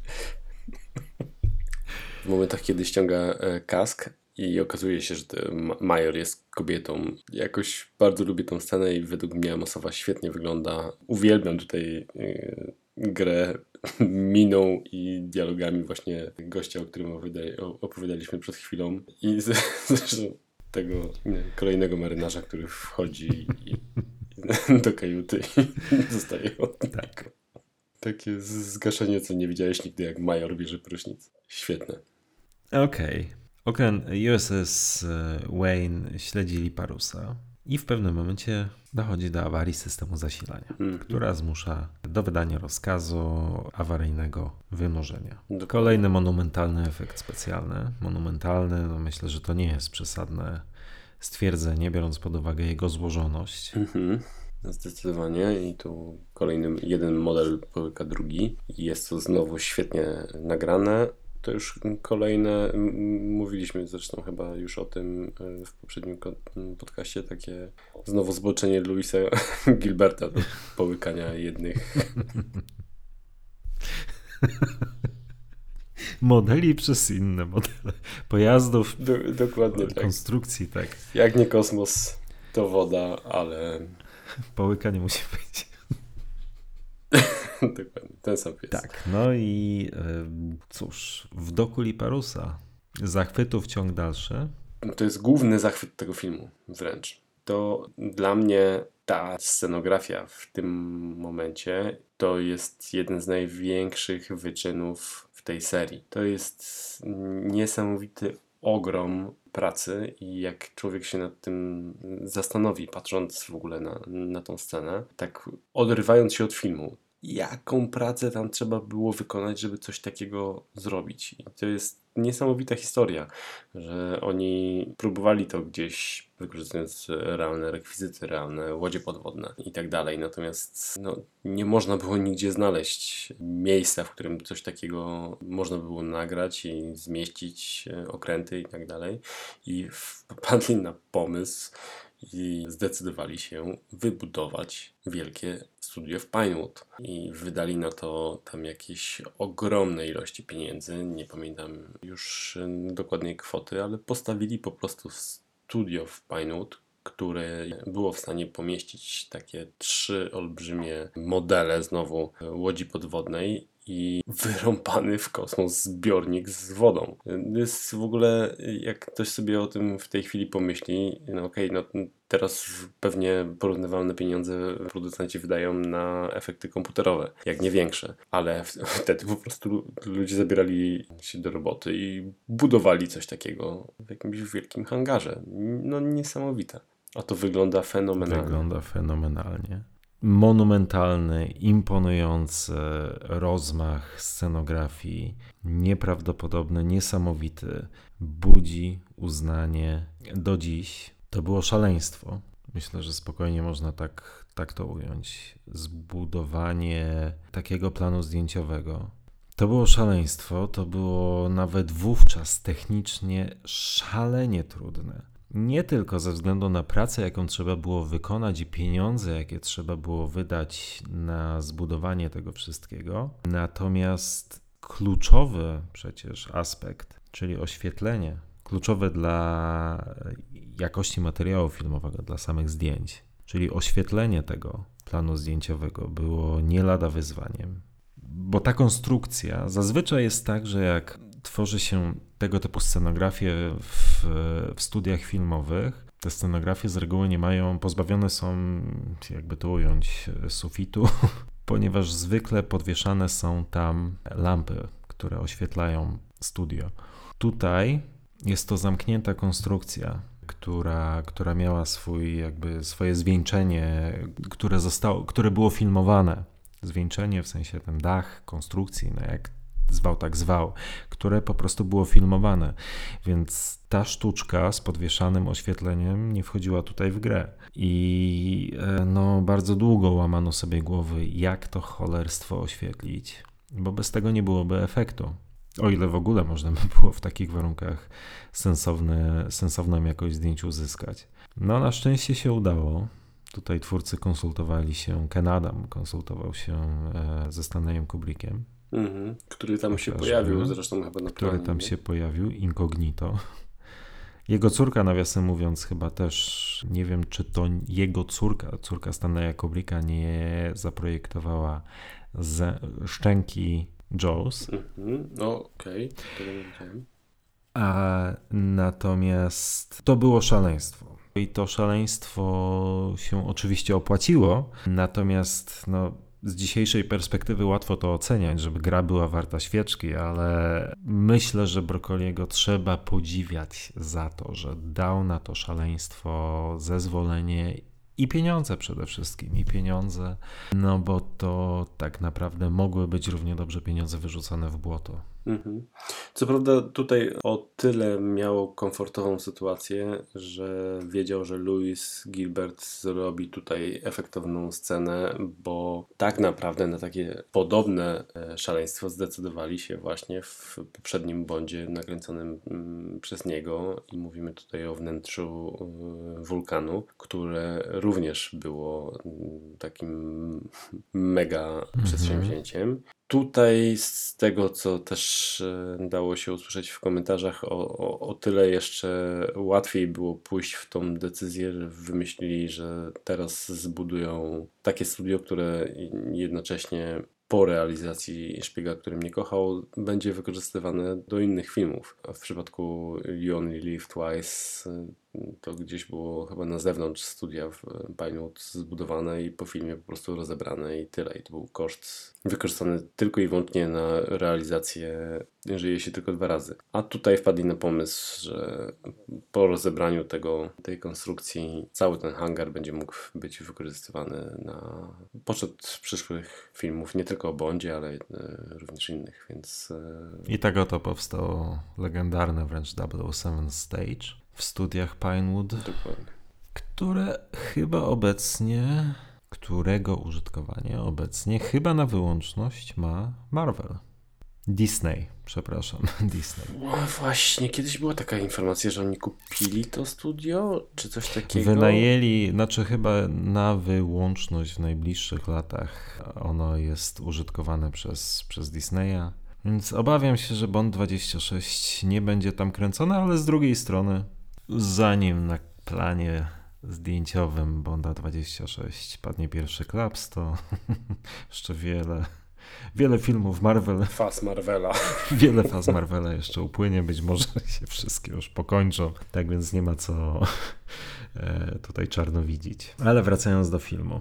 Jesteśmy w doku Liparusa. Bohaterowie są świadkami ładowania pocisków jądrowych na, na okręty podwodne. Ponieważ wcześniej już marynarze i załoga USS Wayne została zmuszona w całkiem fajny zresztą sposób, groźbą zmuszona do, do, do, do wejścia na pokład. Bond jeszcze próbuje w pewnym sensie pomóc e, Amasowej w tym, żeby nie została zbyt szybko zdekonspirowana, no bo jest oczywiście jedyną kobietą e, na pokładzie, ale ta maskarada nie utrzymuje się specjalnie długo, bo po chwili Bond i Amasowa zostają doprowadzeni przed oblicze Stromberga i poznajemy jego wielki plan. Tak jest, dokładnie. Też chyba dosyć szybko e, jest przedstawiony. Mhm. Moskwa i Nowy Jork na celowniku. James próbuje go jeszcze przekupić, ale to oczywiście jest daremna próba. I Stromberg 1 i 2 wychodzą w morze. A Stromberg w sensie czarny charakter odpływa. Stromberg 0. Stromberg 0. Odpływa z Anią na Atlantydę. Dokładnie tak. Zresztą wyskakują w efektowny sposób e, łodzią z, z Liberusa. Ale za chwilę James e, ucieka, robi rozwałkę. E, ucieka w stylu znowu Shona z, z Jolt. Znaczy gdzieś tam ukrycie się w tym takim wagoniku, który jest z żywcem też wycięty z... Zżyje się tylko dwa razy. Tak, Gilbert ewidentnie ma chyba jakąś słabość do, do, do tego typu kolejek jednoszynowych. Tak jest. James ratuje marynarzy. W fajnej scenie zresztą. Fajnej Nawet scenie. bym powiedział świetnej. Mhm, dokładnie tak. Której szczegółów już nie pamiętam, ale mam w notatkach podkreślone dużymi literami świetne, więc ufam samemu sobie, że chyba wiedziałem, co piszę. Tak, no ja właśnie jestem na świeżo potem, to przypomnę, on tak wbiega do tego e, miejsca, gdzie są przetrzymywani zakładnicy i krzyczy, gdzie jest kapitan i jakby wydaje rozkazy tak stanowczo tutaj do broni wszyscy mocno się podporządkowują jego liderowaniu i odpala się ścieżka dźwiękowa bogata w syntezatory i jedziemy z rozwałką. Rozwałką, w której ewidentnie Louis Gilbert czuje się jak ryba w wodzie, nawet jeżeli widz nie do końca czasami za tym nadąża albo trzyma zainteresowanie, to widać, że dla Louisa to są e, chyba najlepsze możliwe sceny w filmie. Tak, bo o ile mam wiele zastrzeżeń do pracy tego reżysera e, w serii o Bondzie, o tyle no trzeba przyznać, że i wżyje się tylko dwa razy i ta scena są bardzo mocnymi stronami tego filmu. Tych, tych dwóch filmów, tych dwóch produkcji.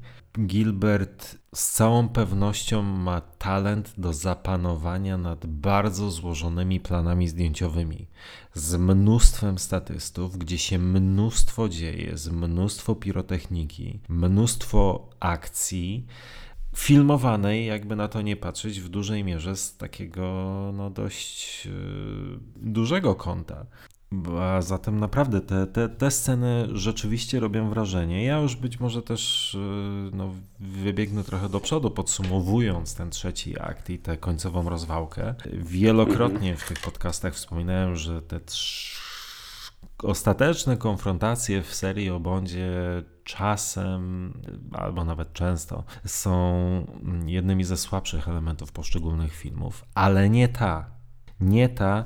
To jest jedna z moich ulubionych rozwałek, jak zwał, tak zwał, e, tych ostatecznych konfrontacji. Naprawdę tu się bardzo dużo dzieje. To jest e, mimo wszystko dość długa scena, Bardzo ale naprawdę Mhm. tutaj udało się utrzymać zainteresowanie widza. Wielokrotnie działa świetny suspens. Też jeszcze pewnie będziemy trochę, trochę bardziej szczegółowo rozbierać tę scenę na czynniki pierwsze, tak? Tak jak już mówiłem, uprzedzając fakty. Uwielbiam tą scenę. Te sceny, te sceny na pokładzie Liparusa są świetne. Tak jest. I ja też nie wiem, czy dobrze pamiętam, ale jako młody widz chyba bardziej mnie nużyły niż teraz, bo teraz jestem nimi tak jak podobnie jak ty, zachwycony i świetnie mi się ogląda tą, tą finałową rozwałkę w Liparusie. No ja też, zaryzy- szczerze mówiąc, ja też zaryzykuję stwierdzenie, że dzisiaj te sceny doceniam znacznie bardziej i dużo więcej przyjemności mi one sprawiają niż myślę 20 lat temu. Mhm, mhm, dokładnie. Jest tu ewidentnie dużo granatów, dużo wybuchów, dużo przewrotów, wyskoków, kaskaderów. yy, Bond i- strzela z karabinu maszynowego. Warto podkreślić, bo to nieczęste. Tak jest i to Bond Commander e, ewidentnie, więc naprawdę fajne sceny, dokładnie tak. Suspens i dramaturgia, która też tutaj jest cały czas e, obecna, bo te metalowe żaluzje i tutaj kapitan, kapitan nie żyje. W ogóle dosyć lubię tą scenę, w której ginie ten właśnie kapitan. Carter z Bondem rozmawiają e, o tym, jest taka konsternacja, że tutaj kapitan zginął i jego oficer taki młodszy mówi, ja się tym zajmę. Jest naraz zwrócenie kamery na tego młodzieńca, który poczuł się, że teraz pod nieobecność kapitana to on jest głównym dowodzącym i wybiera trzech śmiałków, wymienia ich z nazwiska i jedziemy ze szturmem i oni w trójkę się ła- ładują w stronę tych żaluzji, ale otwierają się małe okienka, wy, wychodzą e, karabiny i wszyscy zostają rozstrzelani i ten gość, który się poczuł do mikroawansu zostaje też bardzo szybko unicestwiony. No i James musi wymyślić e, jak w takim razie przeprowadzić szturm na zamkniętą część bazy. Ale ta scena, o której ty mówisz, tych e, marynarzy, którzy zgłaszają się na ochotnika do szturmu na odciętą centralę Liparusa, to jest świetna scena. Świetnie. Ja ją uwielbiam, bo e, rzeczywiście być może z suchego opisu ona może się jawić jako trochę groteskowa, zwłaszcza mając z tyłu głowy konwencję, w jakiej znaczna część tego filmu jest utrzymana, ale tak nie jest i nie chcę tutaj też uderzać może w zbyt patetyczne tony, ale poświęcenie tych marynarzy daje widzowi jakiś powód do współczucia tym bohaterom. Bo co też jest istotne i za co ten trzeci akt uwielbiam, Bond w trakcie tej konfrontacji nie działa sam. Otacza go mnóstwo ludzi, mnóstwo tych yy, marynarzy, żołnierzy, z którymi współpracuje, ale to nie jest taka po prostu jakaś, nie wiem, masa. Popisuwa Jamesa. Popisuwa Jamesa, a cała reszta jest gdzieś w tle bezimienna, bez twarzy, bez wyrazu, tak jak trochę to było w Żyje się tylko dwa razy, gdzie tam też była scena z mnóstwem statystów, ale to rzeczywiście byli statyści i tylko i wyłącznie statyści, natomiast y, żaden z nich nie przykuwał swojej uwagi, y, uwagi widza jakoś szczególnie. Tutaj jest inaczej. Tutaj ci marynarze rzeczywiście są charakterni, są wyraziści, mają swoje osobowości często.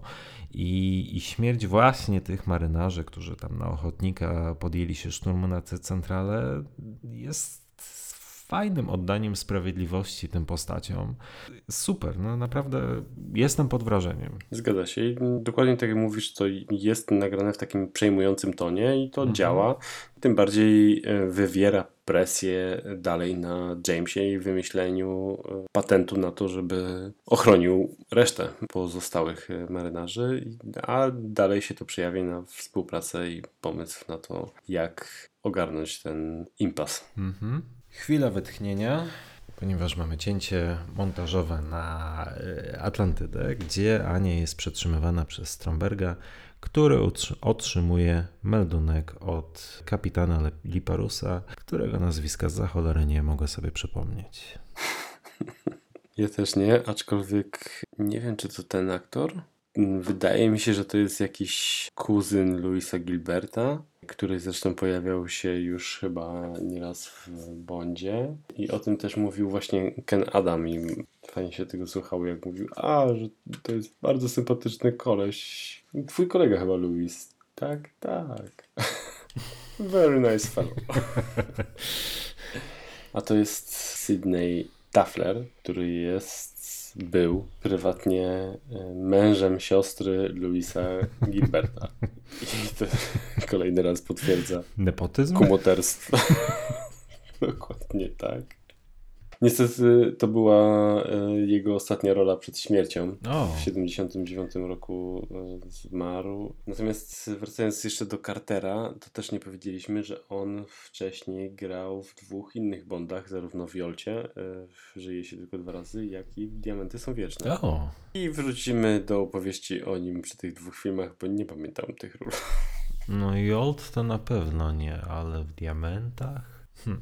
Dobra, Okej. Okay. Dawno nie odświeżaliśmy chyba obydwoje zarówno diamentów, jak i żyje się tylko dwa razy, więc... Mm -hmm, to prawda. I przechodzimy do kolejnej sceny, którą śmiało mogę określić jedną z najlepszych w tym filmie. Wracamy na pokład Liparusa, gdzie jesteśmy świadkami demontażu detonatora pocisku jądrowego. Cały myk polega na tym, że jest on bardzo silnie namagnesowany, w związku z czym wyciągnięcie tego detonatora wymaga bardzo dużej uwagi i bardzo dużego skupienia, żeby nie dotknął obudowy pocisku. A to jest przyczynkiem do fantastycznego, fenomenalnego suspensu. Rewelacyjna scena. Tak, świetnie wytłumaczona, z lekkim też humorem, bo tutaj oczywiście ktoś obok się pyta, co się stanie, jak dotknie. Wybuchnie, więc są takie miny obrazujące widzowi dokładnie, co się stanie, i za chwilę James tam coś kwituje. Zawsze musi być ten pierwszy raz, jak ktoś się pyta, czy już to kiedyś robił. Próbuje rozładować atmosferę, ale suspens jest utrzymany i jest tak jak mówisz, całkiem, całkiem przyzwoite. Mhm. I tutaj po raz kolejny Bond rzeczywiście współpracuje z tymi żołnierzami, którzy są jeszcze na, na, na, na Liparusie. Pod tym względem ten film naprawdę jest wyjątkowy, bo tutaj Bond y, sam nic by nie zdziałał. I ta obsada, która mu towarzyszy, ma bardzo duże znaczenie dla rozwoju akcji w, tej, w tym akcie filmu. Fajnie, naprawdę fajnie. Takich scen zresztą później już nie widzimy w tej serii zbyt często mm-hmm. i, i myślę, że mi ich brakuje. Bardzo chętnie zobaczyłbym w jednym z kolejnych filmów właśnie tego typu scenę. Prawda, jasne. Przenosimy się do kolejnej sceny, w której James wpada na pomysł, jak zaaplikować ten zapalnik i wykorzystać go do rozwalenia tej osłony centrali. I ja też uwielbiam tą scenę z jednego motywu, który jest bardzo, ale to bardzo pomysłowo tutaj wykorzystany, a mianowicie James Bond Team. Mhm. Przypominając, James ląduje na tej obracanej kuli, która jest kamerą jeżdżącą wokół, siada na niej i nią podjeżdża pod same e, żaluzje i w ten sposób unika e, ostrzału i unika kamer. Na niej podjeżdża pod same żaluzję i dochodzi do, do tego wybuchu, ale w momencie, kiedy wpada na ten pomysł, rozbrzmiewa James Bond Team i akcja się tam w pewnym momencie przenosi jakby do tej centrali w momencie, kiedy jest... W tym samym momencie, w którym Bond wyłącza kamerę, James Bond James Team Bond Team zostaje dokładnie urwane. jest urwane. Dokładnie tak, dokładnie tak. I jest to po prostu świetnym, świetnym za- zabiegiem. Mhm, mhm.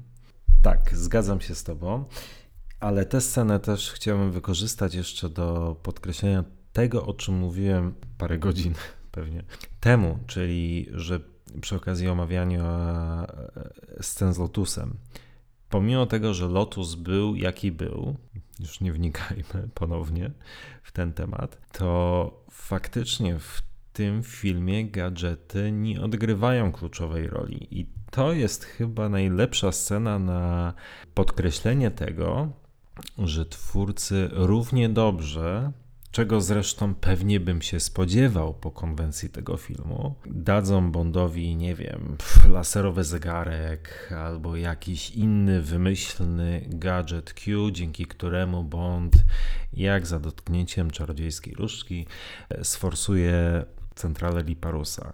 Ale nie. Bond musi tutaj się popisać pomysłowością, musi wykorzystać to, co ma pod ręką, dosłownie lub w przenośni, wykorzystywać sytuację, wykorzystywać okoliczności i to jest świetne. To jest świetne.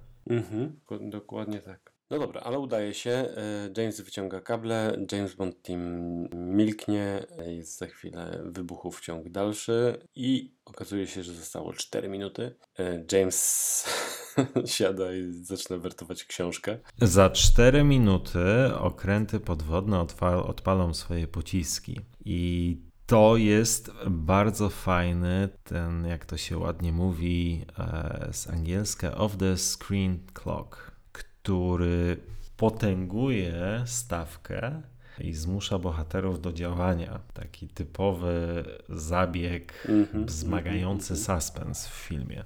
Nieźle pomyślane, fajnie, dosyć e, fajnie, fajnie zrobione. Dokładnie tak.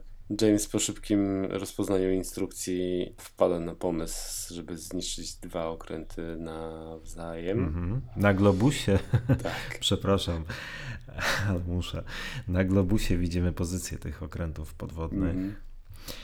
Które najwyraźniej w trakcie rozgrywania się tej sceny zdołały przepłynąć pół świata. No bo jeden z nich jest już niemalże u wybrzeży Nowego Jorku. Spoko. W sumie racja. Nie, ja mówię oczywiście to pół żartem, pół serio, bo no, zdaję sobie sprawę e, z tego, że istnieje coś takiego jak język filmowy.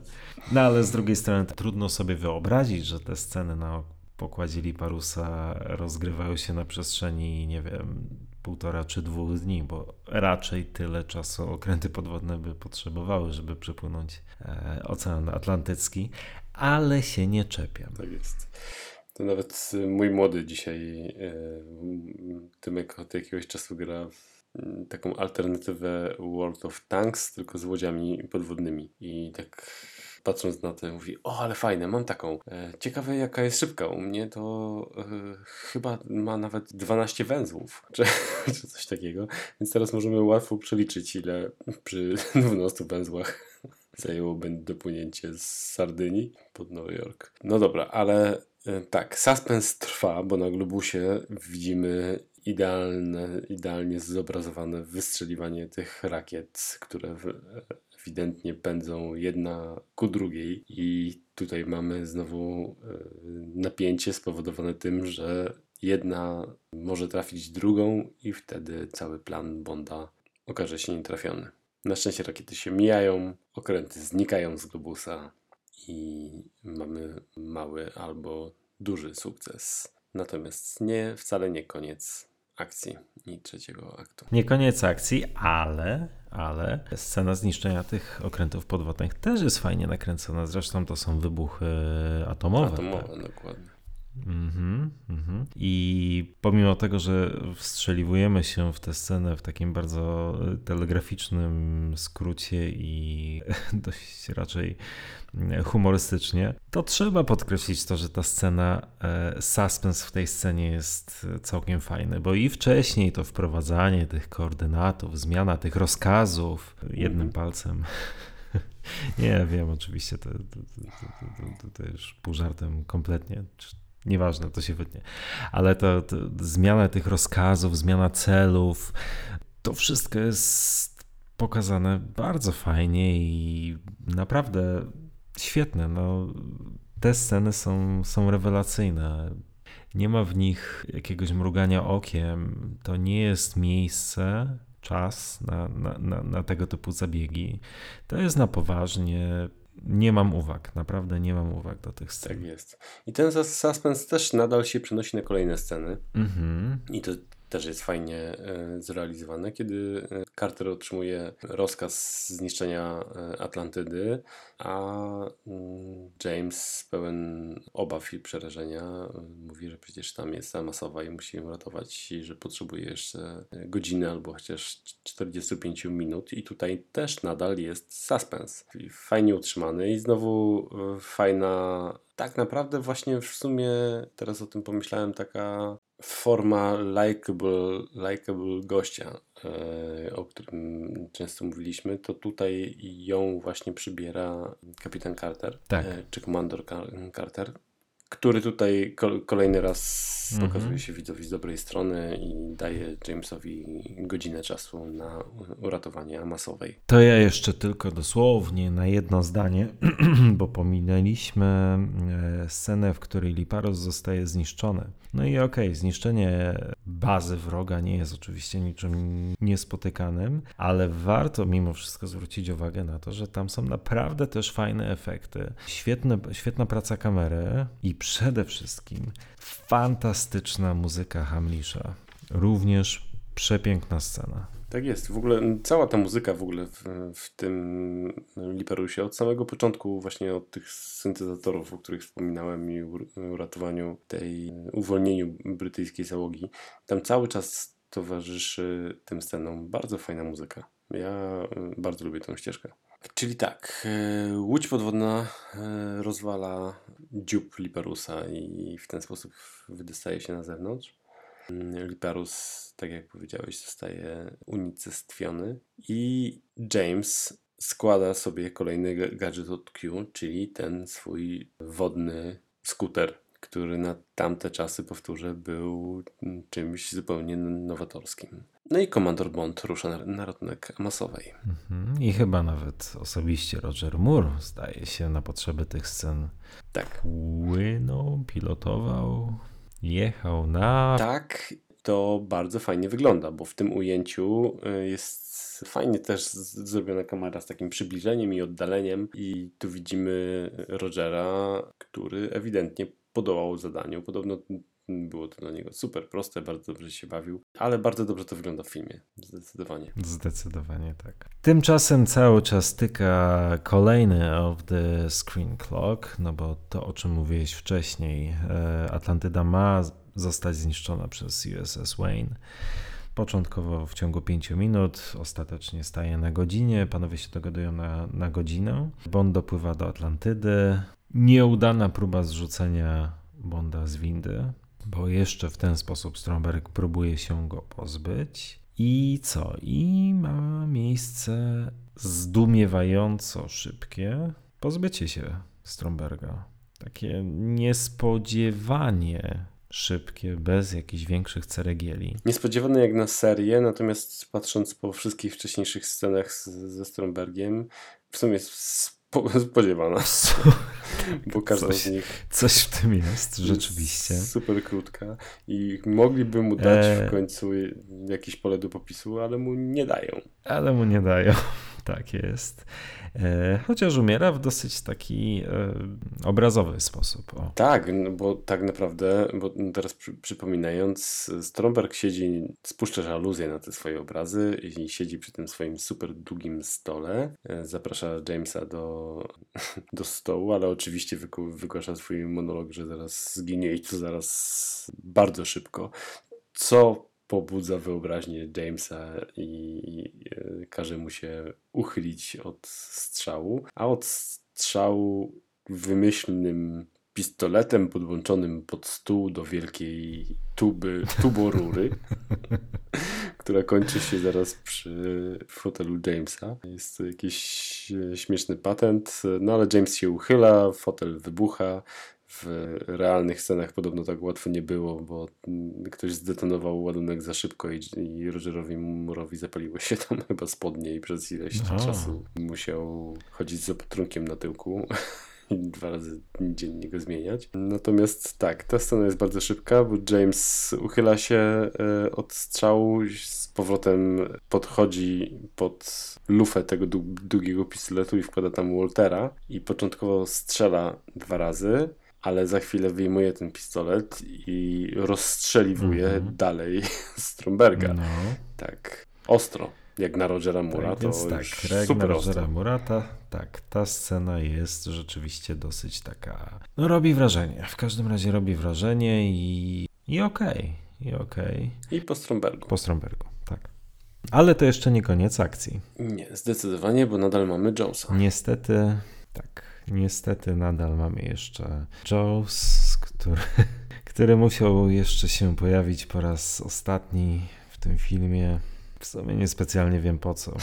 Tak, to znaczy nadal kupując tą konwencję już jeżeli widz zaczyna lubić Joesa, to może fajnie, że e, on się tutaj znajduje i dzieciak pokroju mojego Tymka w pewien sposób się tym jara, ale sam Tymek już potrafi wytknąć jakieś głupoty typu dlaczego on mu strzela w te zęby? no bo mógł trafić w każdą inną część ciała, po co strzał w zęby? No ale dobra, e, jest zabawa w kotka i myszkę, i kolejna tak naprawdę scena taka po to rozbawienie publiki, o, może tak, czyli zastosowanie magnesu, przyciągnięcie mm, szczęki Joesa do tego wielkiego magnesu i wrzucenie go do, do rekina, a za chwilę, jak się okazuje, to nie rekin zagryza Joesa, tylko Joes zagryza rekina. Marcin, lubisz tę scenę? Nie. Nie, ta. Znaczy powiem tak. E, nie rozumiem, po co ta scena znalazła się w filmie. Ona wybija z rytmu tej całkiem nieźle prowadzonej historii w trzecim akcie, który jest naprawdę płynny, fajnie przechodzi ze sceny do sceny, natomiast ta akurat mnie wybija z rytmu. Na szczęście. Również dlatego, że faktycznie jest ona stylistycznie trochę nie pasuje do tych ostatnich, do ostatnich scen. Zwłaszcza w tym momencie, w którym Roger Moore e, szczerze zęby po to, żeby właściwie, nie wiem, zmusić szczęki do zrobienia tego samego. To tak nie do końca się klei z tym filmem na tym jego etapie. Na szczęście. Na szczęście pomimo tego, że zaburza nieco odbiór tego filmu, czy tej fazy filmu, to go nie psuje. W związku z czym, i gdyby to ode mnie zależało, to tej sceny bym się pozbył, ale jeśli już jest, no to na szczęście nie jest tak, że ona mhm, mhm. jakoś bardzo mocno tutaj zaburza odbiór tego skądinąd kapitalnego trzeciego aktu, a sam, a ta scena ze, z rekinami, bo być może te rekiny są tutaj rzeczywiście naj, nieco ważniejsze, uwzględniając chociażby film Szczęki, o którym wcześniej już rozmawialiśmy w poprzednim podcaście. Nieistotne. Istotne jest to, że sama ta konfrontacja Joe z rekinami jest taka dosyć intensywna i no, krwawa. Mhm, mhm, mhm. No ale twórcy tak czy inaczej postanowili po prostu wykorzystać Jonesa w kolejnym filmie, nie uśmiercać go przede wszystkim. Myślę, że zobaczyli w nim potencjał taki, że publiczności się spodoba i że to będzie henchman kultowy, którym de facto się stał więc możemy sobie ponarzekać, natomiast Richard Kill jest, jakby nie było, postacią bardzo pamiętną. I też wiadomo, w jakim kontekście został rozwiązany kolejny e, odcinek serii. Ja się godzę z tym podejściem do tematu i z takim obraniem takiej konwencji po prostu chwilowo, nie w całej serii. Dobrze, myślę, że zdecydowanie wrócimy do tego tematu przy okazji omawiania Moonrakera. A tymczasem Atlantyda jest e, coraz bardziej zalewana, co również po raz kolejny buduje całkiem fajny suspens i ostatecznie ulega zniszczeniu. Tak jest. Wcześniej James ratuje jeszcze Triple X. Mhm. Tutaj jest ta kreacja taka bardzo... Śmia śmiało. A miałem nie mówić po raz trzeci o tym, ale, ale się nie dało, ponieważ tutaj rzeczywiście kreacja Ani jest bardzo efektowna. I w sumie tak teraz o tym myślę, bardzo pasująca do jej kryptonimu, bo ona ma taki, taki X na, Na. na klatce e, piersiowej, nie? Takie paski tworzące w sumie jeden, jeden z Xów z jej, z, z jej codename'u. E, Ja bardzo nie lubię tej kreacji. Możliwe, że skupiłem się na innych aspektach. Eee, Dobra, bo zaraz wyjdziemy na szowinistyczne świnie. Tylko ty. No dzięki. Rzeczywiście tylko ja. Dobra. Torpeda trafia w bazę. James mm, oczywiście wymyśla sposób e, ucieczki razem z e, Amasową. I to jak najbardziej wygodny dla Jamesa sposób ucieczki, jak się okaże za chwilę. Tak, szalupa ratunkowa, kapsuła właściwie. No i tutaj jest scena, na którą chyba nie sposób nie ponarzekać dla odmiany. Mhm. Poza pierwszym tekstem Rogera, który uwielbiam, może źle oceniłem Stromberga. Ktoś, kto pije Dom Perignon rocznik 52, nie może być tak zły. Tak, ale chwilę później Ania bierze go na celownik. Eee, I ze wszystkich możliwych sposobów na rozładowanie tej sytuacji, twórcy decydują się chyba na, na najgorszy. Pomysłowy, ponieważ Bond otwiera szampana i huk korka w zasadzie doprowadza ich obu do, do, do śmiechu. Wzdrygnięcie się, tak, w I wprawia w konsternację Tak, tak, widza. tak. Mhm. ponieważ oboje wzdrygają się, ale z tej sceny można było wycisnąć znacznie, znacznie więcej. Mhm. Zdecydowanie, bo gdyby jakoś pociągnąć ten temat choćby w e, kontekście e, dialogu i objaśnić jakoś to zbliżenie teraz masowej do, do Bonda. Też ja rozumiem, że mogła być na tyle zestresowana i wdzięczna za uratowanie życia, że Tak. już puściła w niepamięć to, że jej ukochany zginął z, z rąk Jamesa. Natomiast jest to największe uproszczenie e, w tym filmie, jakie może być. Też kolejny raz powiem, że nie do końca się dziwię, że w taki sposób to zostało y, zrealizowane, ponieważ tutaj Mhm. wiele aspektów w tym filmie idzie właśnie w tym kierunku takiego trochę uproszczania i pójścia w y, niezobowiązującą zabawę, więc po co komplikować jakimiś dialogami film. Natomiast pod względem walorów bardziej, nie wiem, logicznych i lepszych dla samej fabuły filmu, byłoby lepiej, jakby tutaj ten dialog zaistniał jakiś. Tak, dla potencjału dramatycznego te, tego filmu z całą pewnością. No bo tak jak już mówiliśmy, to był bardzo intrygujący pomysł. No ale został wykorzystany tak, jak został wykorzystany. To był jeszcze moment, żeby, żeby to wszystko naprawić. No ale no niestety, niestety nie. Ja się z tobą zgadzam, że ja rozumiem twórców. Zdaję sobie sprawę z tego, że to jeszcze nie był ten moment, ale z perspektywy czasu patrząc, e, no szkoda. Tym bardziej, że na ewentualny comic relief jeszcze mamy czas, bo to będzie dopiero za chwilę. W kolejnej scenie widzimy Jaws Mhm. wynurzającego się z wody. Okej, przynajmniej nie otrzepuje sobie ramion z kurzu. Zawsze jakiś postęp. Ale już za chwilę widzimy okręt brytyjskiej marynarki wojennej. Na Mhm. jego pokładzie M. Gogol. Dokładnie tak. 007 XXX, czy tam Triple X. Są takie zdziwieni. Zdziwieni, zdziwiony, zdziwiony jest też Roger Moore, który też świetnie, e, świetnie to rozgrywa. Tym bardziej, że chwilę wcześniej powiedział, że ich tutaj nikt nie znajdzie. No dokładnie, tak. Mhm. James, co ty robisz? Dbam o brytyjski interes. I to jest kult. Tak, to jest kult, żaluzje i koniec. Natomiast, tak jak mówisz, comic relief nastąpił jeszcze na końcu, a ta scena tutaj mogła potrwać trochę dłużej. Ale może też, wiesz, no, może też pomyśleli, że męczyć Barbarę Bach do wypowiadania jakichś scen dialogowych mogłoby zrujnować ten film.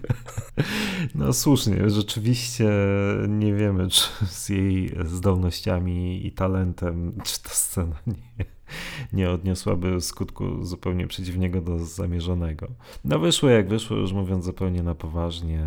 Wątek, który śmiało mógłby służyć do pociągnięcia całego filmu, został tutaj wykorzystany jako jeden z, wcale nie najważniejszy.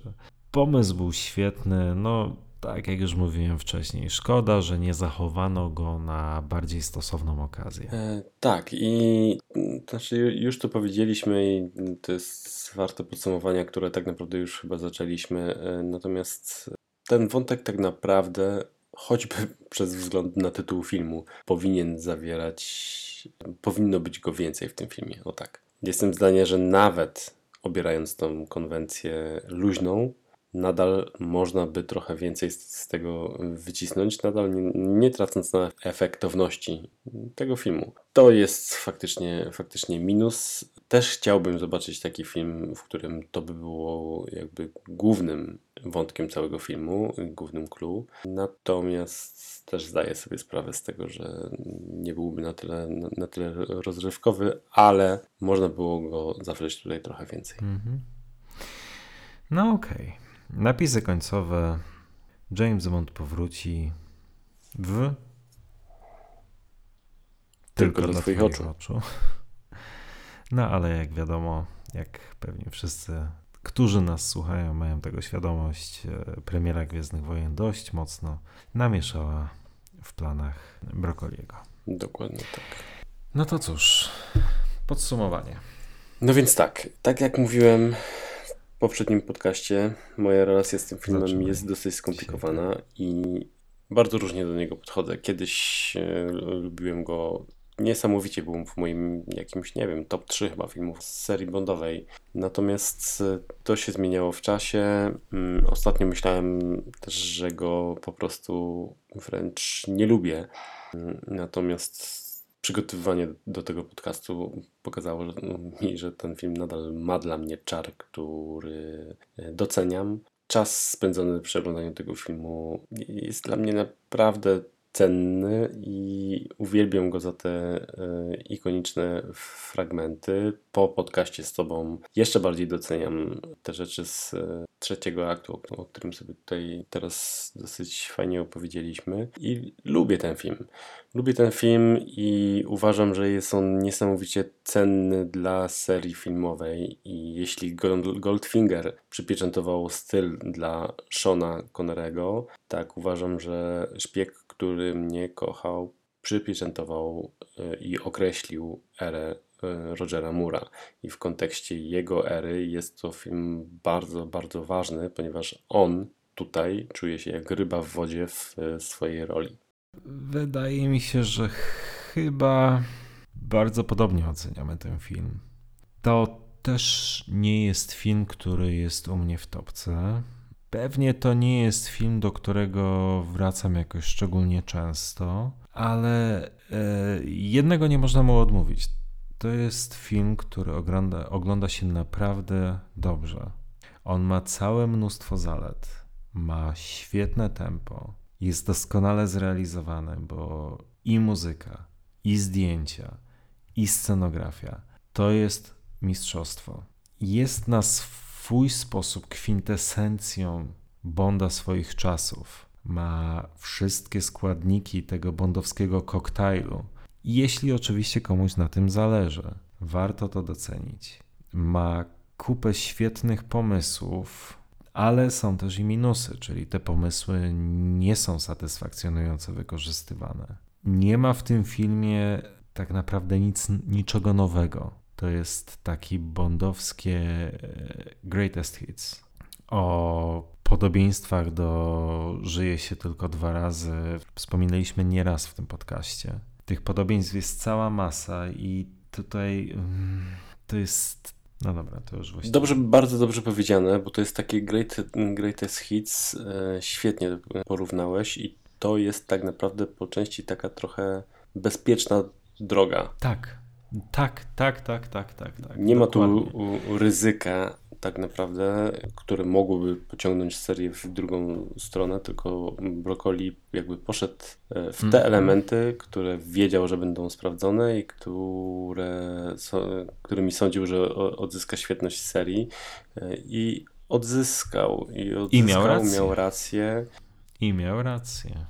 Udana decyzja. Udana decyzja. No oczywiście nam dzisiaj łatwo jest kręcić nosem, rzecz jasna, natomiast no, to w tamtym czasie było to, to, to zapewne jak najbardziej rozsądna i racjonalna decyzja. Tak jest, tym bardziej, że został sam na placu boju, y, bał się o przyszłość serii, więc y, postąpił bezpiecznie, ale e, opłacalnie. Opłacalnie, no zdecydowanie opłacalnie, bo, bo faktycznie ten film przyniósł gigantyczne przychody z box office.